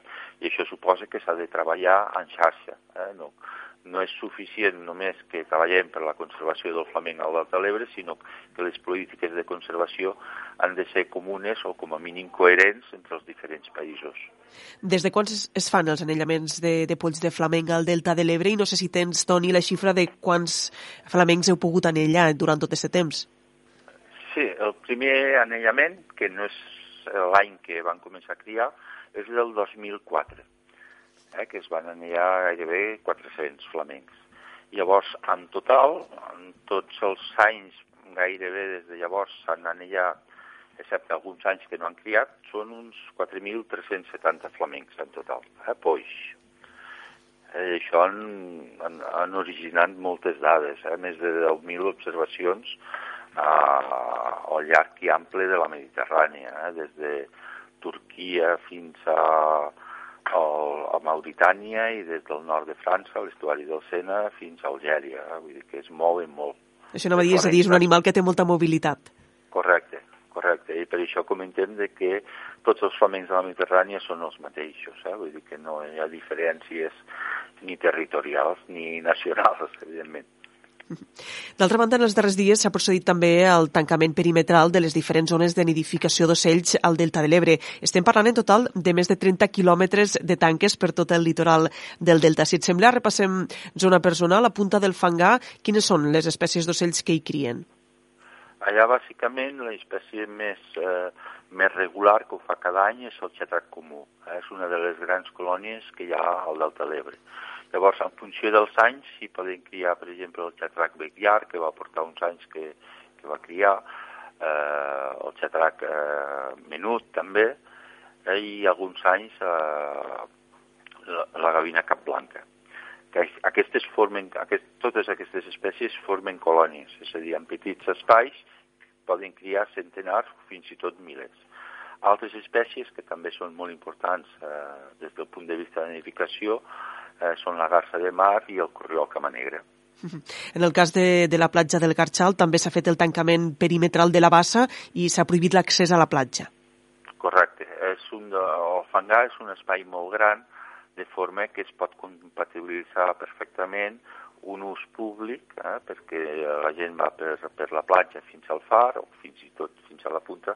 En el cas de l'Arxal és, bastant, és, és impossible. No? Ja, llavors ja des de fa alguns anys el que, el que fem és tallar eh, l'ús públic eh, de, de visitants per la platja. Eh? Llavors, Fins quan, quan? ha acabat la reproducció, eh, a mitjans agost, depenent de l'any, ho anem controlant, si pot ser abans o obrim abans, eh, doncs hi ha aquest, aquest règim de protecció. Una altra de les zones eh, delimitades és l'illa de Buda. Correcte, és una zona també important per a la reproducció i aquesta ja des de fa molts anys que, que, que evitem aquest impacte de, de les visites. I pel que fa a la punta de la banya, a banda del flamenc, quines són les altres espècies que hi nidifiquen? Pues és una de les zones més importants per la nidificació de moltes espècies amenaçades. Eh, a banda del flamenc, com has comentat, pues hi ha el xatrac bequiar, hi ha la vina cap blanca, pràcticament totes les espècies de xatrac, que són tres, quatre, eh, hi ha la garça de mar també, eh, hi ha la gavina corsa, és una de les espècies més emblemàtiques del parc, doncs bé, una de les colònies més importants del delta es troba allà. Totes aquestes zones eh, que, que ara comentem, no, on, nidifiquen ocells, ha sigut també unes, unes de les zones que han rebut l'impacte més gran del temporal Glòria. No sé si això podrà tindre alguna afectació en la nidificació dels ocells. En el que és l'espai en si, eh, no hem notat gran cosa, efectes significatius. Eh, els ocells marins ja estan, eh, ocells marins i litorals ja estan adaptats a aquests règims de, de tempestes, no? I mentre es quedi espai, és a dir, que si desapareix la platja, doncs llavors sí que tenen afeccions, però mentre hagin espais i la meteorologia acompanya posteriorment, durant l'època de producció, no tenen molts de problemes, eh? I, i de fet a vegades aprofiten aquests, aquestes, eh, aquests transports i acumulacions de- d'arena per, a, per a criar. Eh? Són es, espècies plenament adaptades amb aquestes meteorologies típiques del litoral. Eh, pel que veiem que es fa ara este tancament perimetral de les diferents zones de nidificació d'ocells al delta, entenem que és ara primavera-estiu, no?, quan la majoria d'ocells nidifiquen. Sí, sí correcte. Eh? Normalment, en un any normal, eh, normal, ho fem per, per començaments de Setmana Santa.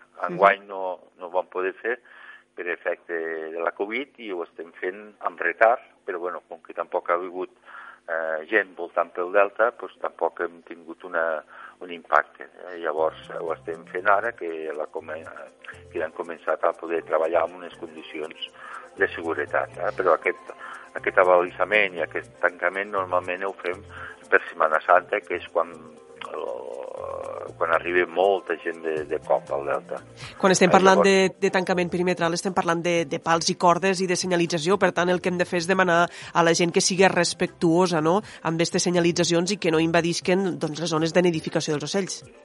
Sí, això és molt important, eh? perquè a banda de, de les repercussions a nivell de, de multes i això, que s'ha de tenir consciència, és que estem fent un bé.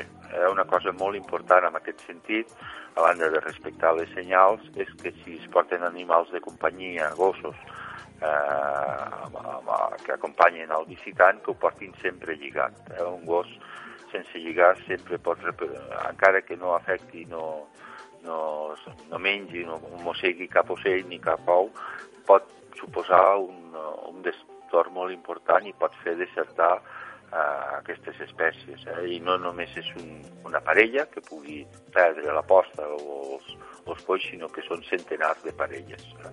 Sobretot portar els animals de companyia lligats sempre en aquestes àrees. Doncs moltíssimes gràcies al biòleg i tècnic de l'àrea de recerca i conservació del parc, Toni Curcó, per ser avui a l'Aldia Terres de l'Ebre. Moltes gràcies i fins a la pròxima. Moltes gràcies a vosaltres.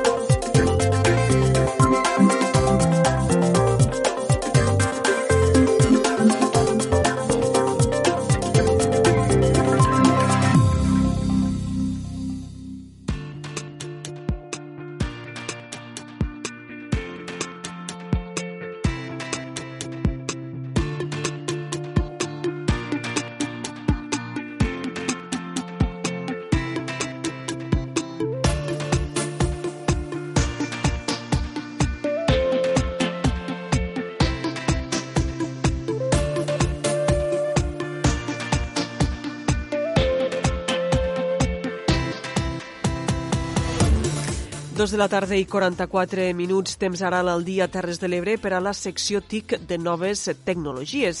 Heu creat ja el vostre avatar, cal dir que fer-se un avatar està de moda i avui en coneixem més detalls a l'Espai TIC amb Tere Giner. Segurament que els que domineu les xarxes socials aquests dies eh, heu vist, especial, especialment pel Facebook, per exemple, un munt d'avatars, no? aquesta mena de caricatures eh, que d'una manera animada eh, són com si diguéssim el nostre, el nostre doble. No? Avui, amb Merce Fort, a l'Espai TIC, volem parlar precisament d'això, dels avatars. Què són els avatars? Eh, quines són les aplicacions que, amb els que podem fer el nostre avatar? Eh, de fet, també hi han diferents diferents avatars per a, per a diferents suports eh, electrònics. Mercè, benvinguda i molt bon dia. Hola, molt bon dia. Eh, bé, primer que res, com explicaríem a la gent que és un avatar, els que no han utilitzat mai aquest sistema per, eh, per fer-se'n? Bueno, en, lo, en termes informàtics, un avatar se coneix com a la representació gràfica, com a la imatge que, identi que identifica a un usuari en el món virtual, en el món de la xarxa. Uh -huh. Venen a ser com a, com a caricatures nostres, no? Bueno, de fet, hasta ara no era lo, la, lo fondo de l'avatar no era així, no? sinó que la representació gràfica no tenia per què res a veure en, lo, en la imatge real de l'usuari que hi ha detrás d'aquest avatar. Vale? Era una identificació gràfica que tu te ficaves a través d'internet per a que t'identifiquessin eh, a una xarxa, a un, a un entorn virtual en el que tu te maneges. Però la nova tendència, la nova moda, pues és això, no? que l'avatar tingui una semblança de, a mode de caricatura en qui representa eh, realment. Ara ho has dit bé, tinga una semblança, perquè de vegades dius no s'assembla res, eh, si el veus en directe o veus el seu avatar. Bueno, però déu nhi tot això depèn, quan tu te'l fas, l'espill que tingues davant, no? És veritat, suposo que Clar. això, si ho haguéssim d'analitzar també psicològicament, és com un es veu a un mateix, molt no? Bé. Després això difereix molt a lo millor de la imatge que nosaltres veiem en aquella persona. Bueno, de fet, hi ha alguns, hi ha diferents... Això dels avatars semblants a, a l'usuari no és una cosa nova d'ara, sinó que ja hi ha aplicacions molt conegudes de fa doncs, ja uns quants anys que te permeten crear el teu avatar. Llavors, hi ha diferents maneres de crear-te un avatar. Una opció són aplicacions que te fa fer primerament un selfie, de manera que ja t'agarra els teus rasgos, ja te, te, te, hi ha una predisposició de l'aplicació i després hi ha les altres ma manera de fer-te el que és en tu vas triant les característiques una per una este sí que estaria influenciat per la imatge que tenim de nosaltres mateixos. I jo crec que encara que amb la, amb la fotografia tragui part dels teus trets, de vegades sempre apliquem el retoc, eh? segur, perquè segur. hi ha moltes imatges amb molts de retocs digitals i això ho hem de tindre en compte. Explica'ns una mica quin tipus d'aplicacions se solen utilitzar per a, per a fer aquests avatars. Bueno, eh, en un principi, los, los avatars pues és això, no?, el que hem dit, per identificar-te gràficament en un entorn virtual al que tu te maneges. Però, estos avatars anomenats emojis, vale? que són els avatars que expressen, a més a més, les teues emocions, perquè si algú ha provat l'aplicació esta, no només te, crea, te deixa crear la teua, el teu avatar, sinó que, a més a més, després se t'afegeix tota una biblioteca en, aquell, en aquelles característiques de les expressions que habitualment nosaltres utilitzem en els nostres emoticonos quan escrivim per les xarxes socials o per els xats o, o, o programes de missatgeria instantània. Ah, llavors, eh, una miqueta el que volen fer estos avatars, la finalitat que tenen és que quan tu envies una emoció, un sentiment, tots hem enviat alguna vegada pues, l'emoticono que se n'està rient, que està plorant, que està trist, que està enfadat, pues ara en vez de fer-ho en el típic emoticono redonet, groguet de tota la vida, pues ho fem en el nostre propi avatar. Mm -hmm. Llavors, una miqueta, la gràcia és esta, enviar les teues emocions en lo, en lo, en lo teu avatar. A més a més, ho pots utilitzar avui en dia ja se venia podent utilitzar, depenent del sistema operatiu del mòbil, els Androids o els iOS, pues, ha alguns que incorporaven aquesta funcionalitat als, als programes de missatgeria instantània o d'altres te tenies que, que instal·lar una app per a poder-te crear els teus avatars en els teus emojis i després poder-ho utilitzar a les xarxes socials o en aquest tipus d'aplicacions. Ara, mm -hmm. el Facebook, en aquest cas, l'únic que ha fet és incorporar aquesta eina a la seva a l'app mateixa i poder-ho fer directament des d'allí. I una miqueta pues, l'opció s'ha fet pues, viral, no? En aquest cas està la xarxa, el Facebook, Sí. ple de- d'avatars. De fet, és el que tu dius, durant aquests dies, eh, els que tenim eh, Facebook, eh, només veiem la gent que s'està fent els seus avatars. Els que volen, evidentment, n'hi ha que, eh, que preferim no fer-ho, però d'altres eh, sí.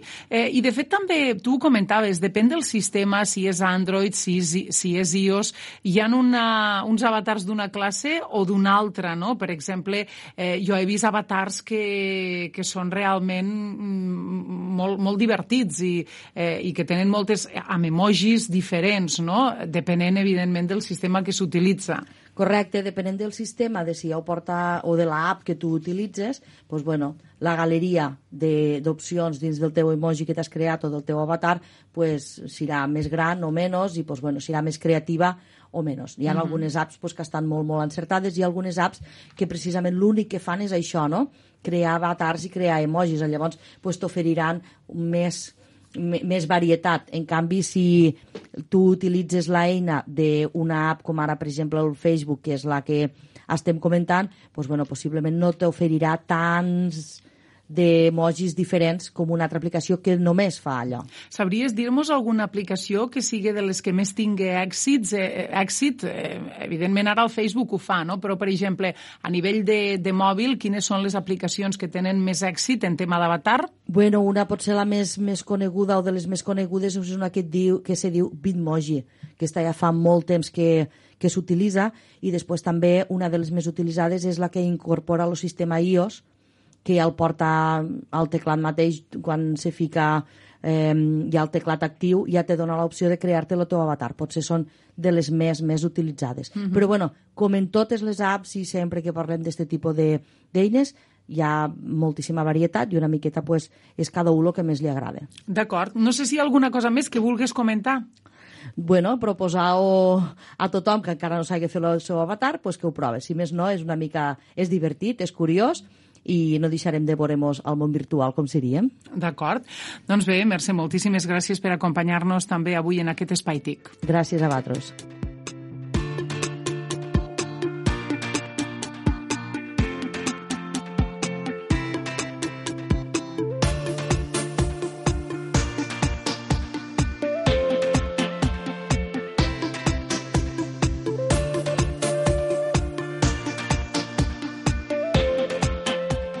I avui, per a acabar la segona hora de programa, es volem aportar una píndola per a la reflexió a través del poeta de Deltebre, Javier Caballero.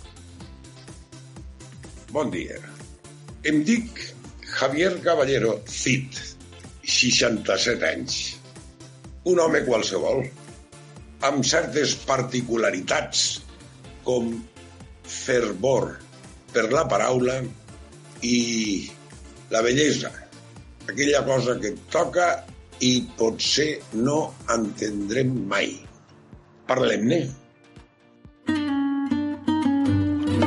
Celebrarem el dia naixent amb un poema que es titula Evolució, dedicat a Sant Darwin, 1809-1882. Personatge que tots coneixerem perquè, bueno, és el primer que va dir allò de la evolució, de la selecció natural, de la lluita per l'existència, etc. Per introduir el poema, una cançó famosa de la trinca. I és evident que l'home ve de la patata, de la patata, de la patata. I és evident que l'home ve de la patata, de la patata, de la patata. El mono es despenja de la parra en una cabriola, un salt mortal, invent de la E neutra. A, A, A, A, A. Tot i ser neutral té un registre que expressa totes les emocions. Ah, ah, ah, ah, ah, ah. Ah, ah, ah. Totes les emocions i algunes altres. Ah, ah, ah, ah, ah, ah, ah, ah. Ah! Cabriola, bot, salt, saltiró, gambirol, guimbada, estropada. Fer la cabra, cabriolar, botar, guimbar, saltar, botar, encabritar-se, cabridet, cabró, boc, cabrot. Fet així, la importància de les sabates. Més ull que nas, pos. Després de córrer, davant i darrere del bou, s'asseu a descansar al cau. Però s'acaba fent sedentari quan l'agulla del calendari marca el tercer mil·lenni. Era d'allò digital. Davant la tele o el WhatsApp, dolços sons, la felicitat.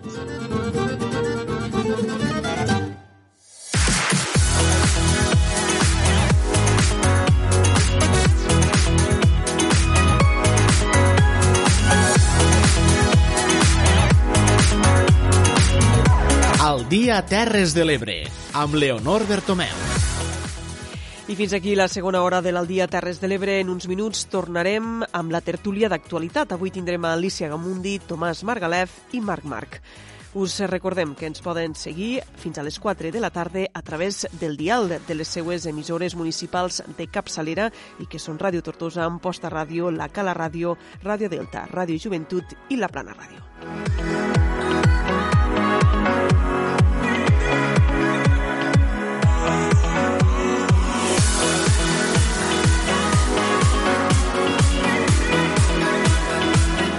Això és tot per ara. Ens retrobem en uns minuts a l'Aldia Terres de l'Ebre en temps de tertúlia.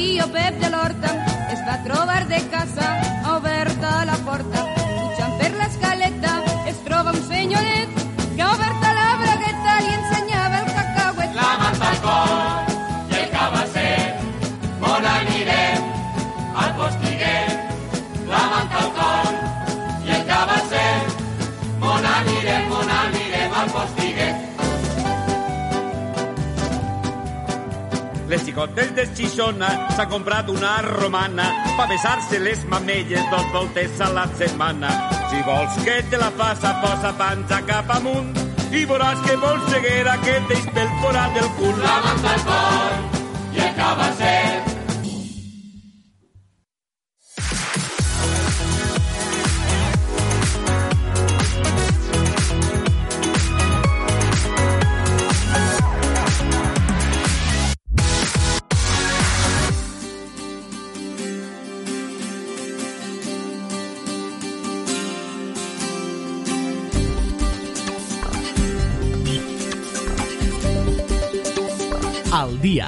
la tertúlia.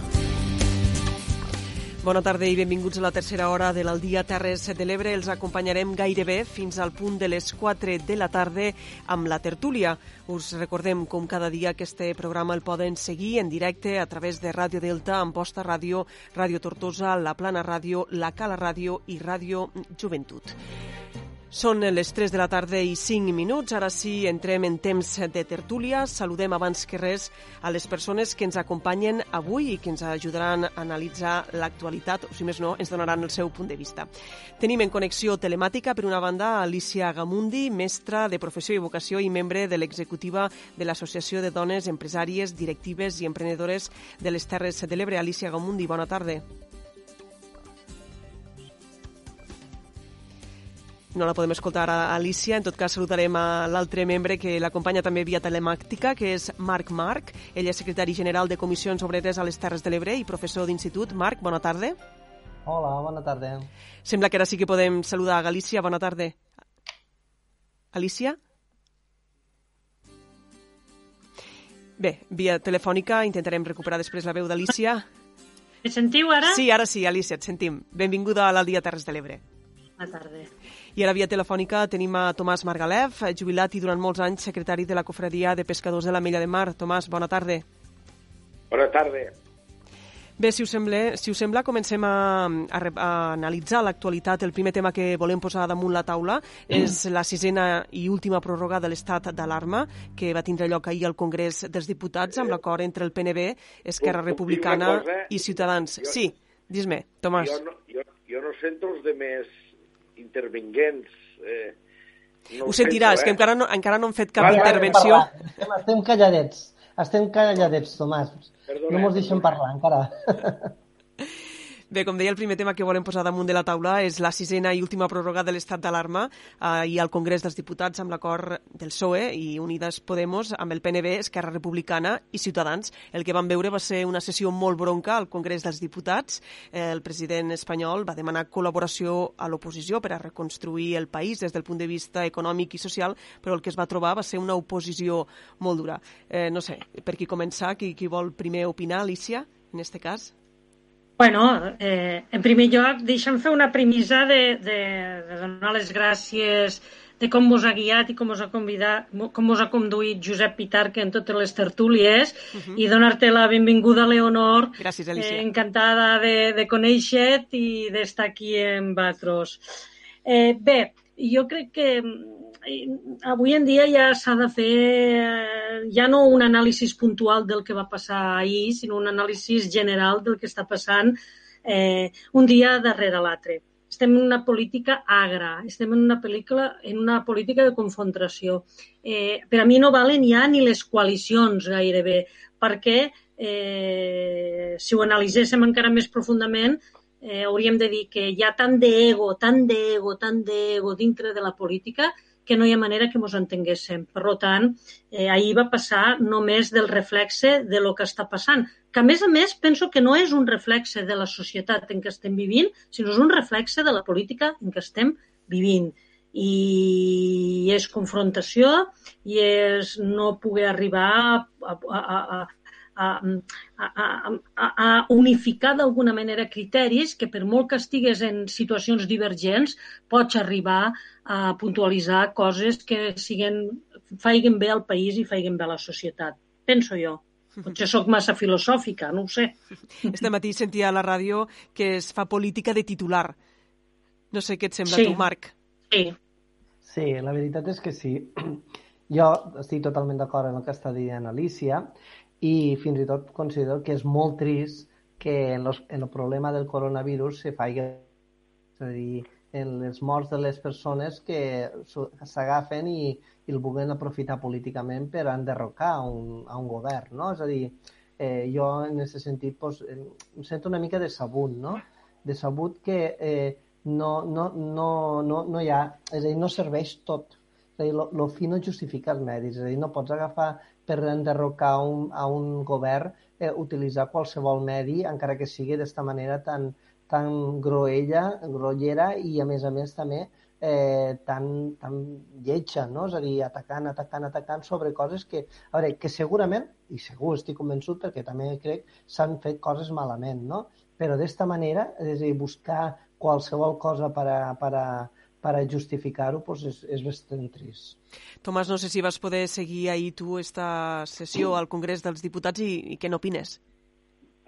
Home, opino opino estic evidentment decebut, estic d'acord amb el que diu Alicia, Mar també, però, a veure, això es ve a vindre, se ve a vindre perquè el PSOE, des dels seus començaments, s'ha equivocat pensant que a Espanya hi havia una dreta normal, una dreta conservadora, potser sí, però una dreta democràtica. I ells han intentat sempre pues, una espècie d'hàbitat eh, concòrdia amb aquesta dreta bueno, s'han equivocat, aquesta dreta no ha existit mai. No hi ha en Espanya. El problema que tenim a Espanya és que no ha hagut mai una dreta democràtica eh, de talla europea, com el que podríem conèixer, França, a qualsevol puesto d'Europa. La dreta espanyola és una dreta fascista, perdoneu que digui la paraula, però molt fascista, m'enteneu com vull dir? I llavors pues, fan el que el que fan els fascistes, pues resulta que el poder és seu i quan l'ocupa un altre democràticament pues l'han de, de derribar com sigui ja ens inventarem qualsevol cosa. I claro, com que dreta han una mica a la tonteria del PSOE que no s'ha pegut posar els collons damunt de la taula quan governaven majories absolutíssimes i no s'ha pogut limpiar esta escòria que hi ha el poder real de la societat espanyola, com és la policia i la Guàrdia Civil, que ara li diuen policia i Guàrdia Civil patriòtica. Doncs pues molt bé, claro que ho és, però no és d'ara. I la justícia, també és patriòtica. I esta premsa que també tenim, que també és patriòtica. Doncs pues, bueno, quan tenim tot això, pues resulta que tenim, en definitiva, un estat irrespirable, absolutament irrespirable. I això pues és així, per molt que mos pesi, eh? i això costarà molt limpiar-ho si no hi posem tots els que som mínimament demòcrates, mos unim i fem el que tenim que fer per limpiar una mica pues, los estrats sociopolítics que no es veuen però estan aquí, policia, guàrdia civil, justícia i premsa. És curiós, Tomàs, és curiós. I estos, estos dies de confinament mai he estat llegint la, un llibre que es diu La casa de los espíritus, eh? sí. la coneixeu d'Isabel Allende, i, sí. i és curiós quan ho explica no? la història de Xile, que també va sí. passar algo semblant, no? de quan Salvador Allende va pujar al poder, la dreta se va dedicar a això, a boicotejar, no? és a dir, a, a, a, a fer el màxim possible per enderrocar el sistema, per a què? Per generar per això una dictadura, no? O Hitler, Hitler també va pujar, recordem que Hitler va pujar d'una manera democràtica al poder, no? Després va fer el que va fer, no? Però ho dic perquè moltes vegades les dretes, és a dir, aquestes dretes tan, com tu dius, no? És a dir, tan, tan perverses, no? És a dir, que de, de, s'amaguen, de, diuen, li parlen de la democràcia, però re, de democràcia, quan ells manaran o quan volen manar, no entenen perquè tot que estan criticant, de tot lo del Marlaska, totes aquestes coses que estan fent també, que estan dient, jo no dic que estiguen bé, ni molt menys, però, cony, que no se'n recorden el que han fet ells, que no se'n recorden el cas Gürtel, que no se'n recorden les clavegueres de l'Estat del, del Fernández Díaz. És com si tinguessin, hi hagués una desmemòria i el greu de tot això, el greu, que per a mi que és el més greu de tot això, és que la gent s'ho creu. Això és el més greu per a mi. Bueno, perquè, perquè també han adoptat una política de mantres. Quan jo faig un mantra i el repeteixo cent vegades, és, és la, la, la, la tècnica de la publicitat, no? Si jo estic repetint cent vegades eh, que este partit polític és així o que aquesta persona ha fet això, al final acabem creent-nos-ho. Això ho dia I, i esta, i esta és la política que està fent les dretes espanyoles. I el PSOE està agafat de totes parts perquè, per una part, li estan governant els seus antics que estan dintre de l'IBEX eh, posats però agafats i l'últim exemple el tenim molt clar aquí a Catalunya i, i, i després estan agafats per, per aquesta dreta que d'alguna manera casca d'alguna manera en mantres i vinga, i vinga, i vinga, i vinga, i vinga. Tot i això, jo crec que ha canviat una de les coses que ha canviat en el panorama polític, és que abans, eh, per desgràcia, les esquerres sempre estàvem una miqueta allò en los egos, eh? jo sempre parlo dels egos, estàvem una miqueta eh, eh, no dic barallades, però sí no juntes, no unides, i les dretes estan molt unides. I ara potser la cosa, el panorama està canviant. Tot i això, encara té esta força de eh, publicitat, esta força de mantres i, i la gent se n'olvida de seguida, se n'olvida de seguida de l'escàndol de Casado de les universitats, se n'olvida de seguida del cas Gürtel, se n'olviden de seguida de tot. I al fin i al cap, al final, el, el que hem de pensar és que s'ha de fer una regeneració política i fer política. I les esquerres de, també, eh? perquè mira, avui Sí, mateix sí, al, sí, sí. al, al Público sortia eh, un llistat de, de consellers, és a dir, antics polítics que han estat a la política activa que ara són consellers d'alguna gran, gran multinacional, no? Mm. I dels 30 i pico que han, per exemple, n'hi ha 19 del PSOE. Mm. Evidentment, el que tu has dit al començament, eh? Bueno, estem llavors, és que també- no? Ma Mar, perdona, també ens hauríem de preguntar què és esquerra i què és dreta. I aquí, ho, I aquí ho deixo, eh? I aquí ho deixo. Bé, escolteu, però és que el problema... Me sentiu? Sí, sí. Sí, sí, Tomàs, te perfecte. sentim bé. Lo, lo, lo, lo problema és de que jo voldria viure en un país que jo no em fessin por ni les dretes ni les esquerres. Sí, senyor.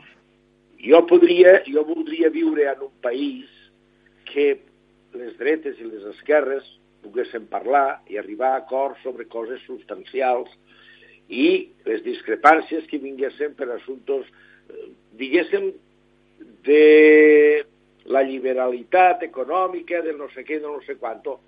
Però jo visc un país que tinc por la ultradreta que està treballant i està disfressada de dreta, però que és una dreta antidemocràtica, me fa por.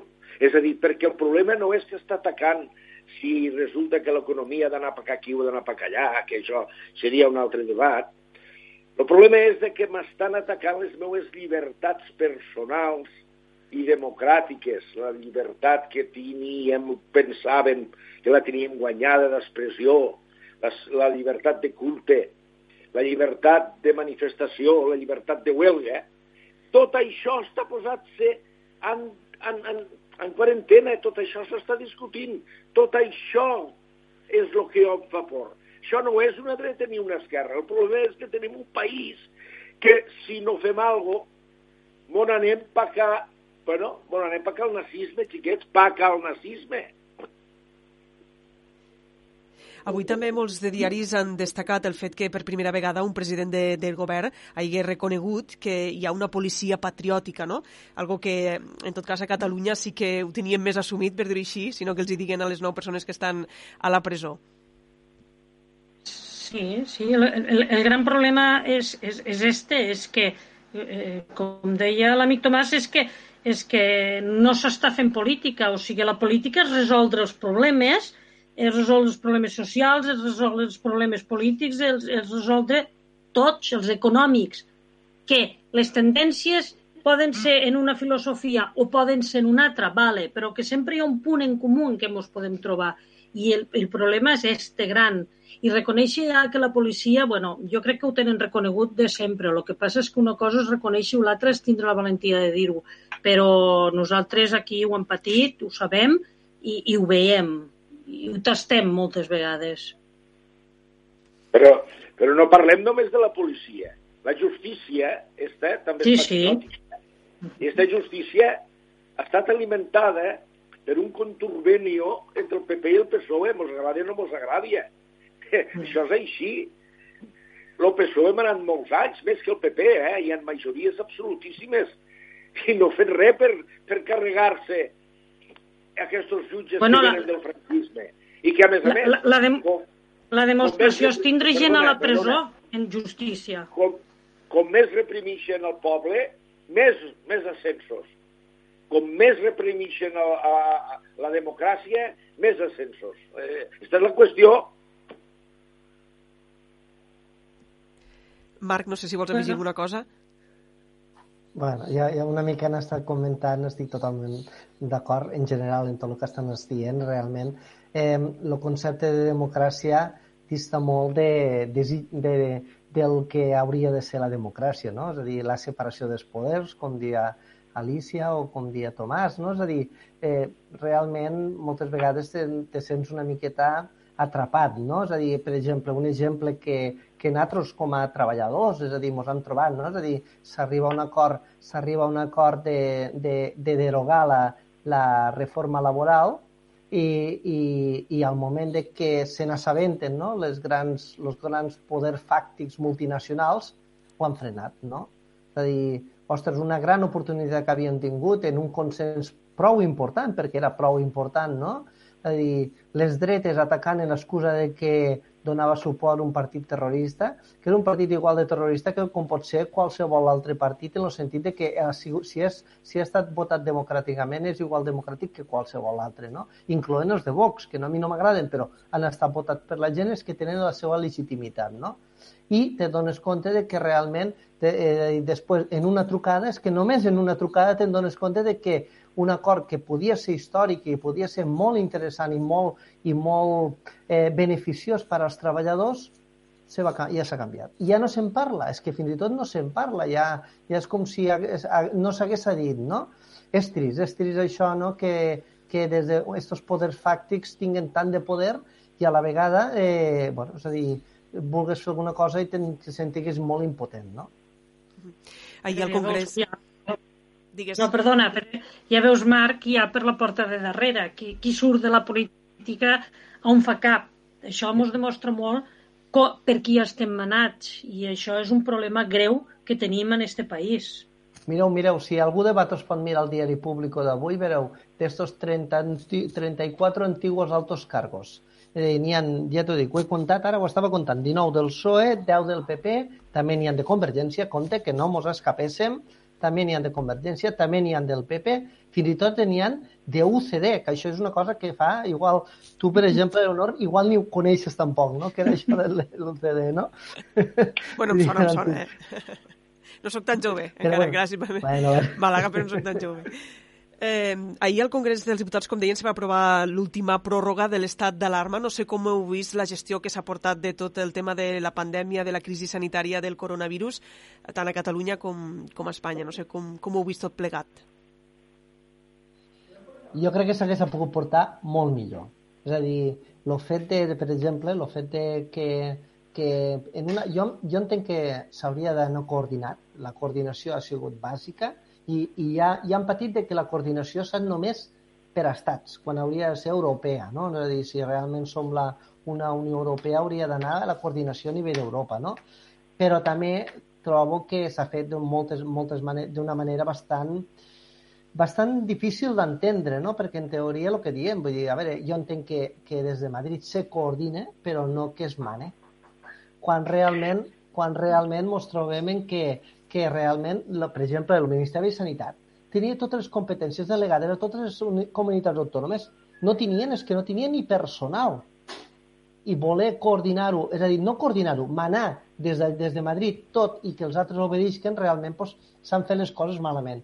Tot i així, que lo, és el més important, s'ha estat frenant el que és la pandèmia, s'està frenant el coronavirus, que això és el més important, i, bueno, és a dir, s'estan salvant vides, que, és lo, que crec que és lo, lo, la premissa més important que tenim, no? és a dir, que, que la gent se conserve la vida.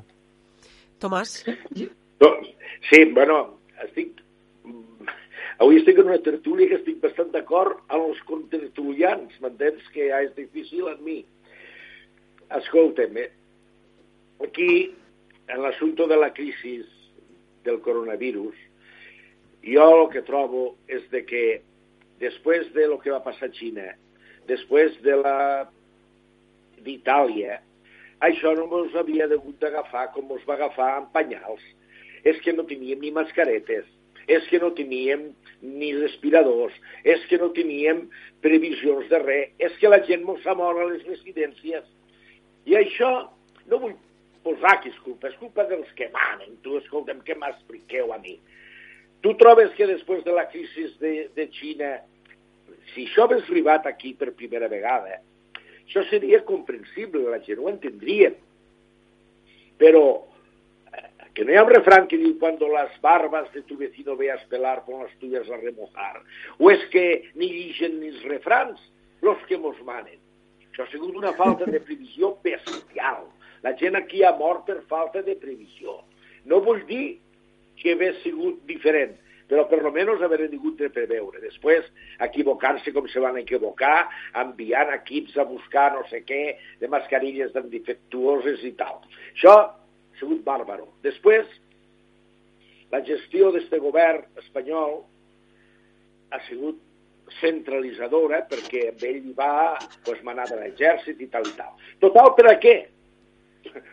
L'exèrcit per a què ha valgut? La policia per què ha valgut? Aquí s'han fet manifestacions a Madrid en període de, de, de, de que ningú podia, de, de confinament total, i s'han fet manifestacions multitudinàries, i aquí no ha passat res. És a dir, que s'ha fet una cosa que ningú ha entès. De totes maneres, l'ataquen precisament en aquells que ho han fet.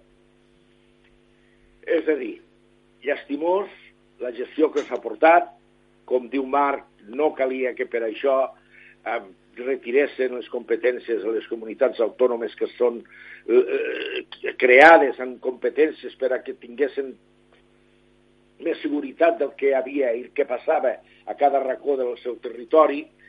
I tot això ha sigut un desastre que només ha servit per a sortir una mica cada dia que sortia el president del govern ha parlat 7 hores d'algo que en 5 minuts se podia solucionar. És a dir, jo li posaria un, de, un zero absolut a la gestió que s'ha fet de l'epidèmia per part del govern central. I per part de la Generalitat, he de fer una crítica absoluta perquè considero que tenien a les residències dels nostres iaios absolutament abandonades, sense control i sense res. I que són culpables d'això, sí senyor.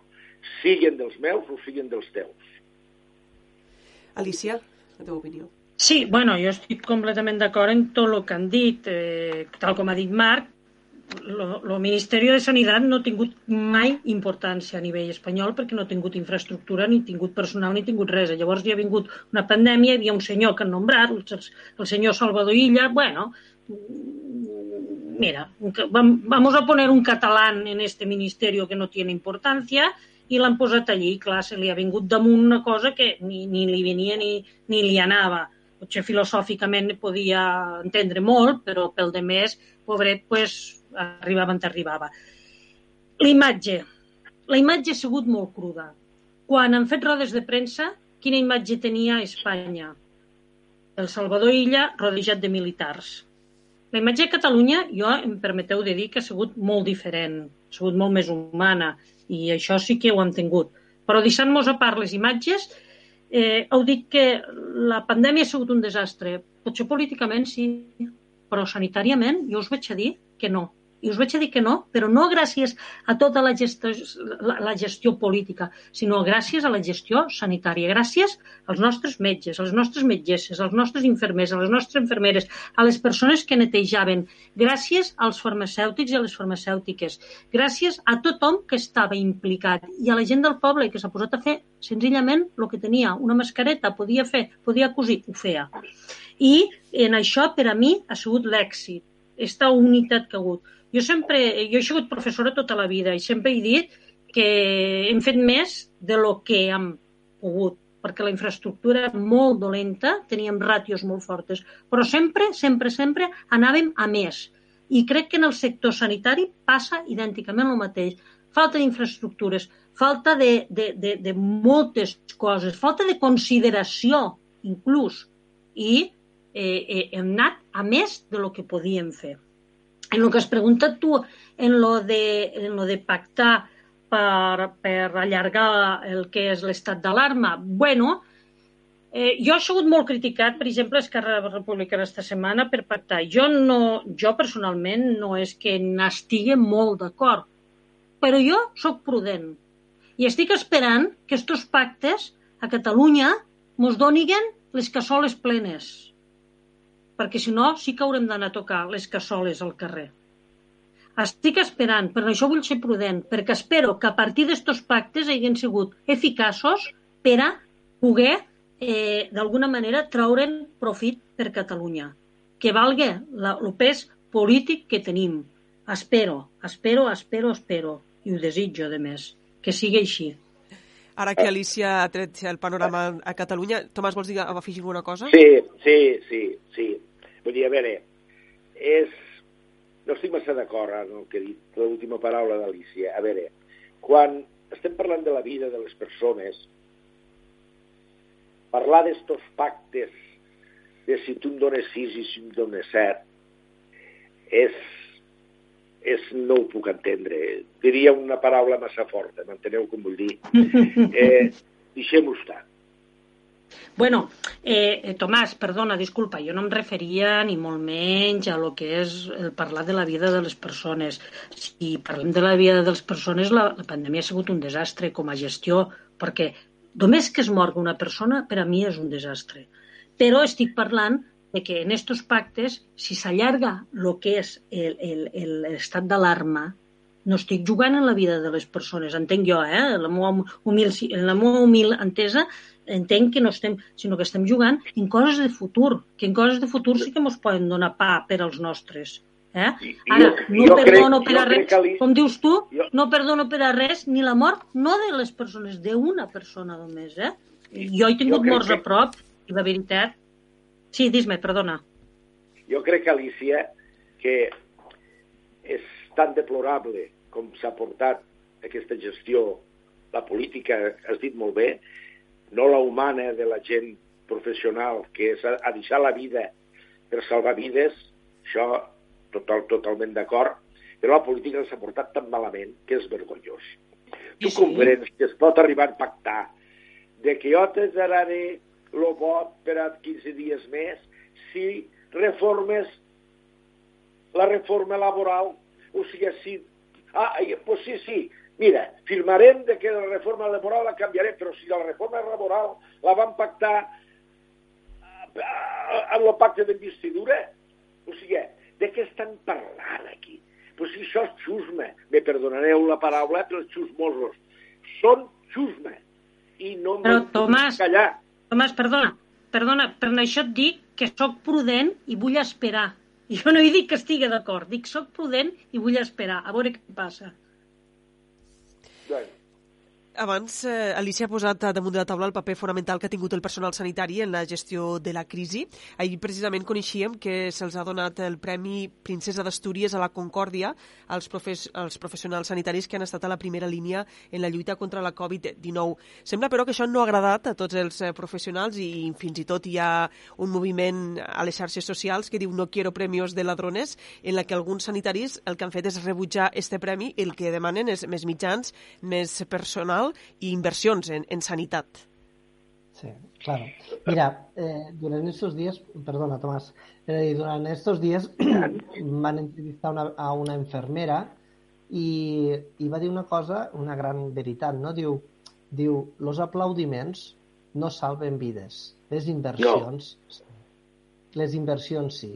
Eh, jo crec que eh, lo, que com comentava Alicia, és a dir, una de les coses positives, si es poden treure coses positives de, de sobre este moviment, este, este, esta crisi sanitària, és, és que la gent ha obert els ulls a la importància de tindre una sanitat privada, ai, pública, perdó, una sanitat pública. No? És a dir, la importància de tindre mitjans a una sanitat pública. I per a què hi hagi mitjans a una sanitat pública han d'haver-hi diners. I els diners surten dels impostos. A mi cada vegada que se troba una persona dient és que un partit polític dient jo vull, baixarem els impostos i la gent aplaudix, jo penso, és que no saben el que fan, no saben el que diuen. Els impostos són per a inversions d'aquest tipus, perquè hi hagi un ensenyament digne, un ensenyament públic digne, que hi hagi una sanitat pública digna en inversions, en garanties, en qualitat. Vull dir, tenim molt bons professionals i moltes vegades el problema que tenim és que els mitjans per a que aquests professionals treballen no els tenen, no? I tot això ve dels diners. És a dir, s'han de pujar els impostos? sí a determinades persones, no a, de, a determinades persones. No? És a dir, eh, un dia parlant amb un, amb un polític m'explicava que la diferència entre, entre l'estat del benestar de, crec que era, no sé, Suècia o Finlàndia, un dels dos països, ¿vale? que en teoria tenen un estat de benestar molt alt, a, a, a, als, al pagament d'impostos respecte a l'estat espanyol no estava en les classes mitjanes, sinó que allà les grans empreses paguen impostos. Les grans eh, fortunes paguen molts més impostos. I d'allí surt la diferència de que haguen inversions en, en, en, en, en, en, en sanitat pública, en ensenyament públic, que aquí no es pot fer perquè diuen que no hi ha diners, clar si baixen els impostos, com volem que traguen els diners? Després ens tocarà pagar una sanitat privada a tots, no? O ensenyament privat, no? Aquí està el problema. És a dir, jo crec que, que l'única cosa bona, una de les poques coses bones que s'ha tret ha sigut això, és a dir, que s'ha dignificat la sanitat pública i la gent s'ha donat compte de que realment en tenim, la tenim molt bona, però en pocs recursos. Ma Marc, Marc. Sí, sí, t'escolto. T'escolto, t'escolto, dis-me si et presentes, si tens el meu vot. vale, Marc? Jo soc secretari general de comissions de ja tinc prou, ja tinc prou mal de cap, no em vull cap altre, per ara. Bueno, i m'he barallat amb alguns de comissions obreres, jo també, eh? M'he barallat pues mira. No? Perfecte. Aquesta és la gran qüestió que has plantejat, és fantàstica. I, claro, durant aquests anys que ens han precedit, te diré que tant del govern central com també dels governs de Catalunya s'ha treballat per a, dinami per a dinamitar la sanitat pública i favorir la sanitat privada. I així mos ha anat, perquè ara qui se n'ha fet càrrec dels que estaven eh, malalts de, eh, de, de l'epidèmia? Qui, qui aquí heu sentit parlar de les grans residències privades o de les grans clíniques privades o no? Heu sentit parlar del Vall d'Hebron, heu sentit parlar de la sanitat pública, que és el que, com molt bé has dit tu, s'ha de potenciar i s'ha de millorar i s'han de posar més professionals i s'han de posar més material i s'ha de destinar més diners a la investigació i tal. Completament d'acord. I això només surt d'un puesto dels impostos. Jo, són, figues, jo... són faves comptades, no?, que diuen? Sí, claro. Jo, jo referent a aquest tema volia dir una coseta que, que és... Bueno, jo sempre poso l'exemple del futbol, no? Eh, mentre aquí al futbol eh, tenim dos problemes. Una, el que es paga als jugadors, que és una animalada. És, és, són, són quantitats que nosaltres ja ni, ni assumim perquè no sabem el que són. Però, a més a més, també el problema el tenim la gent de quan anem a veure un partit, pagar 100, 200, no sé què val una entrada de futbol. Sé que val molts de diners. Este és un gran problema, que nosaltres hi participem. Mentre, mentre en aquest país no es tingui en compte un primer principi, la educació, com a fet important, com a arrel per fer un país bo, com a arrel per fer un país de futur, com a arrel de fer un país econòmicament sostenible i, i de tot. I, i, I com no tinguéssim en compte de que els nostres i les nostres científics i científiques, els nostres metges i les nostres metgesses, el nostre personal sanitari, és més important que moltes de les coses que li donem eh, molta importància, perquè també jo recordo quan era menuda, i deixeu-me una mica anar-me'n, que es feia molt de futbol, se dia que es feia molt de futbol perquè distraïa el pueblo. Però déu nhi és que ara es fa més futbol que quan jo era menuda, que només se feia en diumenge, i com a molt, i com a molt, i com a molt, en dissabte, se va començar fent dissabte com a molt, perquè la gent treballava de dilluns a, a, a, a dissabte. I ara, és que ara es fa futbol sempre.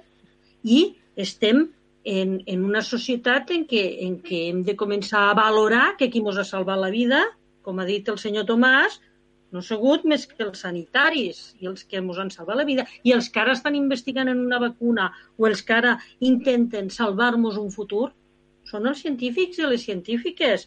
I, i aquí hem de posar peu tots i totes, eh? Alicia, saps que pro soc professor d'història? I això ja ho feien els romans, els romans per a distraure la gent ho feien lo de pa i circ, no? És a dir, els donaven les engrunes del pa i després us donaven distra eh, distracció i en això la gent no es queixava, no? I ara estem...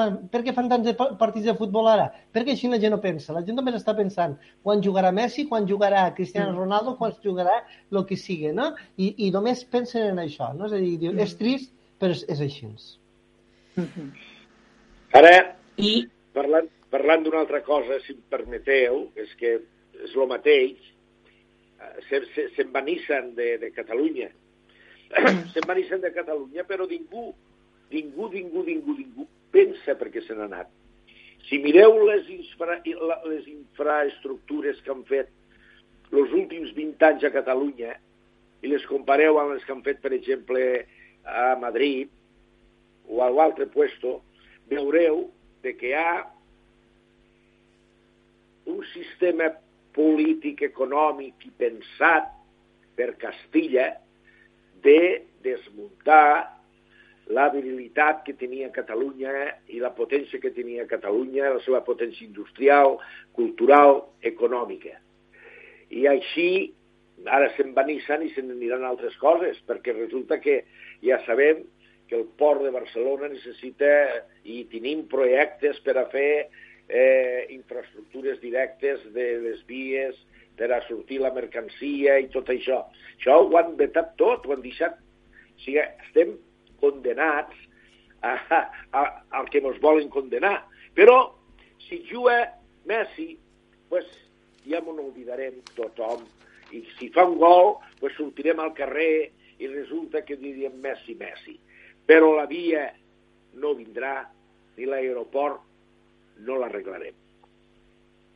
Però jo discrepo amb això. Mm, jo, no, jo, jo eh, Tomàs, no estic d'acord en que això és un problema de Madrid. Eh? Jo crec que lo, aquí el problema no està en Madrid, sinó el problema està en que, en que des de Madrid, però no només, a, no, no només aquí a Catalunya, sinó a la resta de l'estat espanyol, no s'han fet bé les polítiques. És a dir, nosaltres, per exemple, com a, com a comissions obreres, estem molt preocupats per aquest tema, no? perquè són, són moltes famílies que se n'aniran a l'atur. No? Però jo crec que aquí el problema està en que polítiques com han fet, mira, els francesos ho han tingut molt clar, els alemanys ja ho havien fet abans, és a dir, volem mantenir la indústria, l'hem de reconvertir, l'hem de canviar, és a dir, no, aquest model s'està pagant, però si s'està pagant no podem mantenir una agonia, sinó hem de buscar ja una alternativa. I aquí això val diners. I és el que diem, els diners, no hi ha diners o els governs de dretes no tenen prou diners els inverteixen en altres coses i no inverteixen en un futur, no? Claro, eh, aquí està el problema greu de, de, de la marxa de la Nissan. És a dir, és, és com dir a Gabo, no? Crònica d'una mort anunciada. Ja ho sabíem, això. És a dir, no, no m'ho sorprès. És a dir, estàvem esperant. És a dir, per, i, i, i, per, i ningú volíem que arribés a aquest tema, no? perquè realment és un, és, és, sortirà, això serà molt difícil de, de, de readaptar i de reconvertir, no? però el problema està en que les polítiques industrials aquí no es miren, només se miren a curt termini, allò, quatre anys, que és el que manen els, els polítics, i d'aquí quatre anys no, ja veurem què passarà, no? Quan aquestes polítiques industrials moltes vegades se trauen els fruits a partir dels 10-12 anys i a partir d'aquests 10 o 12 anys, però els polítics mai miren a aquest nivell. No sé si, si estic equivocada, però en el cas de Nissan crec que sí que ha rebut inversió pública important, crec que és el, la xifra està al voltant de 100 milions d'euros i que ja fa uns anys no, que s'està invertint per a que Nissan es quedi a Catalunya, però és el que deies, no, tu, no? que segurament era una crònica d'una mort anunciada, que s'hauria d'haver sí, sí, treballat en una altra direcció. Sí eren pegotes, és a dir, eren, eren pedaços que anaven posant per aguantar-los, però eh, el, la política industrial no, no, no, no s'ha de treballar a, en curs termini, sinó s'ha de treballar en 10-12 anys, vull dir, quan se, és a dir, quan realment se trauen, no? La, el fet de que els alemans, per exemple, ja fa anys que estan dient que estan treballant i fins i tot la, la, seu principal, la seva principal empresa de cotxes, no? Volkswagen, que està dient, ja fa anys que està dient, nosaltres ja treballem només motors, motors elèctrics. Vull dir, per què? Perquè han vist que el motor de combustió s'està acabant i estan ja reconvertint tot el sistema industrial per a no se'n vagin les empreses, perquè si no les empreses, les empreses tenen el mateix objectiu sempre, guanyar diners. Com més, com més millor. Clar, què passa? Que si, si resulta que aquest sistema s'està acabant, és a dir, que veuen que cada vegada guanyen menys diners, O què fan? Busquen en altres llocs, deslocalitzen, busquen en un altre lloc on sigui més barat per continuar guanyant el màxim de diners possibles. No? Aquí està el problema de la política industrial que té, no, no, no, no perquè s'hagi favorit més a Madrid, que també es pot ser, però si no, el problema està que no hi, havia una, no hi ha hagut cap política eh, clara industrial per, a, per al conjunt de l'estat espanyol per a poder treballar d'aquesta manera. S'han fet cosetes, és a dir, és veritat, la Generalitat ha fet inversions, ha, ha, fet, ha, fet, ha donat subvencions, l'Estat també ha donat subvencions, però no, no s'han canviat els models. A Tomàs no el sentim bé ara, no sé si he perdut la, la cobertura. Alicia, no, no, no, no, ah. no, no parlo perquè estic completament d'acord, vull dir, no crec que, ti, que el que hagi dit hagi entrat en contradicció del pensament que té Marc, vull dir, no, no, no, crec que ens complementem perfectament. Eh, a veure, una política industrial necessita un ministre d'Indústria en un lloc o altre, comprens? Per exemple, aquí ha sigut ministre d'Indústria un home que es deia Montilla, Sí, sí. Eh, jo, jo crec que... Sí, sí. Sí, Elisa, te, sen te sentim. No, no. Sí, no. Sí. Jo, jo sí, crec sí. que també, si, si mos remontem, si mos remontem és, que, és que també portem molts d'anys de retard. I crec que aquí ja vam començar quan no vam creure en la nostra pròpia indústria. Aquí teníem una empresa, que era SEAT, que crec que s'hagués pogut creure molt més en ella i, sin embargo, es va deixar perdre i es va vendre. I, i jo l'exemple de França en Renault pues, hi creu moltíssim, o, o Alemanya en Mercedes, Volkswagen, ah, perdó, sí, Volkswagen Audi, hi creuen moltíssim. I després també la mentalitat. Un alemà, un alemà, el primer cotxe que es vol comprar és un cotxe alemà un alemà no es comprarà un cotxe estranger. Molt pocs alemans, no dic tots, molt pocs alemans se compraran un cotxe estranger. I els francesos compren molt Renault. I nosaltres, eh, no sé si hem volgut anar eh, conduint cotxes grossos en espardenyes, perquè ho diria així, i no hem cregut en la nostra pròpia indústria i això ho estem pagant i ara ho estem pagant, però ja fa molts anys que ho paguem. Penso, eh? No sé. Si us sembla, queden poc, 10 minuts ja per acabar la tertúlia. Ens ha passat molt ràpid. Posarem algun altre tema damunt de la taula. Per exemple, abans de la crisi del coronavirus, podem dir que a Catalunya teníem coll avall que aniríem a eleccions aquest any, al, a l'octubre o a la tardor, i ara sembla ahir el president Torra ja va descartar que fossin a curt termini, va dir que primer volia encarrilar la sortida de la crisi. En tot cas, el panorama polític a Catalunya podem dir que les desavinences entre Junts per Catalunya i Esquerra Republicana són evidents. No, no sé com, com veieu com acabarà tot plegat, si creieu que dins d'este 2020 poden haver eleccions o que, o que s'allargaran fins més enllà, fins al 2021. Qui vol començar? Jo vull que governi vull que governen directament, és a dir, en el que ens ve de cara, en el que ens està venint ara, jo crec que ara el que s'ha de fer és deixar a banda els tacticismes polítics i que governen, perquè realment el que se necessita és unitat. Unitat. Vull dir, mira, avui mateix, demà sortirà un article que parla d'això, no? d'unitat. És a dir, cal ara que, que no només els partits polítics, sinó els partits polítics els treballadors i els empresaris hi ha unitat perquè el que ens ve, el que diem, estem parlant de, de, de, de, la, de la Nissan, 3.000 famílies o 20.000 indirectes, però a les nostres terres tenim més de 9.000 persones que han entrat ara a, a Eros, a les Terres de l'Ebre, i que si no ens unim tots, hi ha una mica d'alçada de, de, de, de mires, no? de, de la, de, tant dels empresaris com l'administració, és a dir, com els treballadors, és a dir, no ens sortirem. I aquí el que fa falta també la política és això, unitat, és a dir, no buscar tacticismes. Jo, jo quasi, quasi eh, comencem el de, acabem el debat com hem començat, no? I jo estava parlant dels egos polítics, no? I vosaltres dieu, les, les, eh, busquem la notícia política a sortir cada dia, els egos polítics. Jo estic completament d'acord, Marc, en el que estàs dient, de que, eh, de que ni les coalicions avui en dia eh, són factibles. Han de ser, sí senyor, han de ser, perquè som una societat plural, però cal unitat i cal que entre el negre i el blanc hi ha molts de matisos es pot trobar un punt en comú i sobretot, sobretot una cosa que a mi és molt important que ha dit Marc, governar. Governar. Deixar-se estar de publicitats i saps estar d'egos ja d'una punyetera vegada i a vegades deixeu-me fer una broma que faig bueno, no, no és tan broma, és una serietat que faig eh, i Marc ho sap que em coneix, jo sempre li dic a Marc i li comento moltes vegades que quan les dones eh, hem estat així en política, hem, mos hem entès de seguida i ell ho sap i té un exemple molt conegut. Eh? Mos entenem de seguida, de seguida. Ai, en els homes hi ha un ego i ara sé que em criticareu, però és que és així. Jo ho he viscut així, ho he viscut així. Jo, jo he viscut estar, estar a un ajuntament i ajuntar-nos tota l'oposició i, i, i, i, i vinga, i va, i, i anava superbé, i anàvem als plenos en una unitat, havíem trobat aquell matís de colors en comú. Però, xiquet, l'ego masculí me'l va derrotar, no dic un, potser van ser més, però eh, eh, d'alguna manera eh, eh, no sé si estem més acostumades a gestionar, no sé si més estem més acostumades a tindre que arribar a pactes, a tindre que arribar a moltes coses que, que això ens fa d'alguna manera entendre-nos molt més. Jo és l'experiència que tinc, que és pobra perquè és una persona no, no diu res, no? Hauria de ser global. Però sí que és important eh, sobretot, sobretot governar i arribar als matisos que es poden arribar, a matisos puntuals, es poden arribar a coses molt guapes i a vegades s'han fet i es poden fer. Tomàs? Bueno, a veure, estic d'acord amb la voluntat i amb el que ens agradaria que fos i amb el que podia haver sido i no fue, però la realitat és de que este govern de coalició que hi ha a Catalunya pues, ni és govern ni és coalició.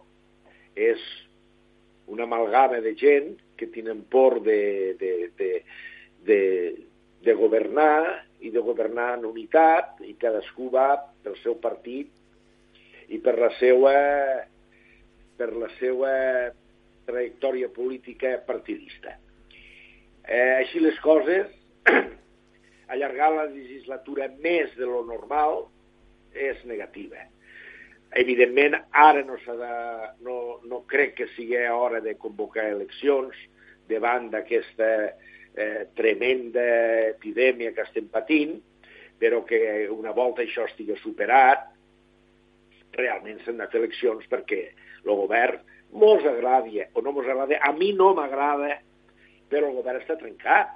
A veure, i això és el que aflora i que nosaltres veiem aflorar esta punta de l'iceberg que nosaltres veiem aflorar, on hem de fer una mica d'idea del que deu passar per dins, per baix de la mar. Ha de ser terrible, perquè aquesta gent no és que siguin amics, és que són enemics però, però Tomàs, Tomàs, a banda del encontrats. Però Tomàs, eh? però jo a banda del, del govern, jo també demano de que no només el govern, sinó el govern i la resta de partits polítics de l'oposició que treballen plegats és a dir, és sí, tan important no, o tan greu tothom, però no treballen, tothom. no treballen cadascú va per ell. És a dir, que no, no que posin pals a les rodes, sinó de dir, treballem conjuntament, tant uns com els altres. Jo, jo el que demano és a dir, unitat, perquè ara és, dir, és l'única manera que veig que podem sortir món. Vull dir, aquí està sí. el problema. Dir, no només el govern, la estic unitat, totalment d'acord amb el que dius tu. La unitat està amb la teua voluntat i, si em permets, amb la meua també. Però ells no la tenen. Potser té raó, Alicia, eh? que potser fan, fan falta més dones i tens raó tot el que tu comentaves. Vull dir que... Si us sembla, ens queden molts pocs minuts, eh, però també voldria posar damunt de la taula el tema de la revolta racial dels Estats Units i com, com valoreu tot el que està passant eh, als Estats Units i sobretot el paper de Donald Trump que està sent molt criticat. Patètic. Bueno, jo només podria dir jo, patètic. I, i no és més producte de lo que ell, de lo que ell està, està predicant. Vull dir, aquest home és, és, és, és, està passant el que ell predica eh, i el que ell vol que passe d'alguna manera i és molt, molt patètic i trist, eh? Molt trist. I molt sí, però el voten, a, a sobre... lo voten, Alicia. Sí. Alicia, bueno, lo voten. I mira, jo, jo, Tomàs, tinc un dubte d'això, eh? Tinc un dubte, no ho sé.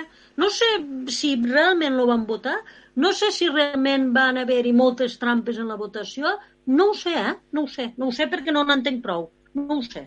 Tot i així hi ha un problema de fons, que és el que també ha aflorat ara, és, és la realitat dels Estats Units. És a dir, és, el problema de fons és la realitat. És a dir, estan, aquestes coses passen perquè han passat sempre i ningú s'ha atrevit a qüestionar la supremacia blanca.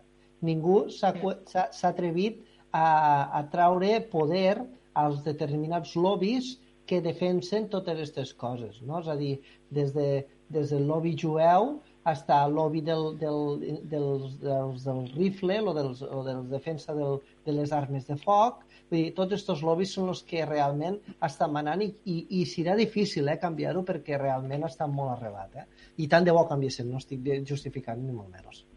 I crec que canviem. Tomàs? Bueno, és que, claro, tenim una imatge molt falsa i molt idíl·lica del que és del que és Amèrica, del que és Estats Units. Estats Units, eh, jo he estat i és normal que la gent se mori pels carrers i que la gent no passi res. És a dir, és el capitalisme més exacerbat. És la dreta més imperialista que al món. O sigui que, claro, allí tot és privat, no? Parlem de les escoles, parlem de la sanitat, parlem de tot. Los negres sempre han sigut la classe desprotegida per ser negres i per ser eh, los treballadors. I resulta que, escolteu, això és així i els policies poden matar negres com els caçadors poden matar torns. No, no. Aquí, aquí no ha passat mai res. Això ha sigut històric perquè els policies pues, aquí els premien els que peguen catalans, però allí també els, els deuen premiar perquè allí no passa res. Ja veurem amb este què li faran. Però si repassem la història de les eh, coses que han hagut i policies que han matat gent i tal, pues veuríem, si en tinguéssim temps, veuríem de que no ha passat absolutament res, que estos tenen permís per a matar i aquí no passa res, i això està així i tothom ho ha trobat normal.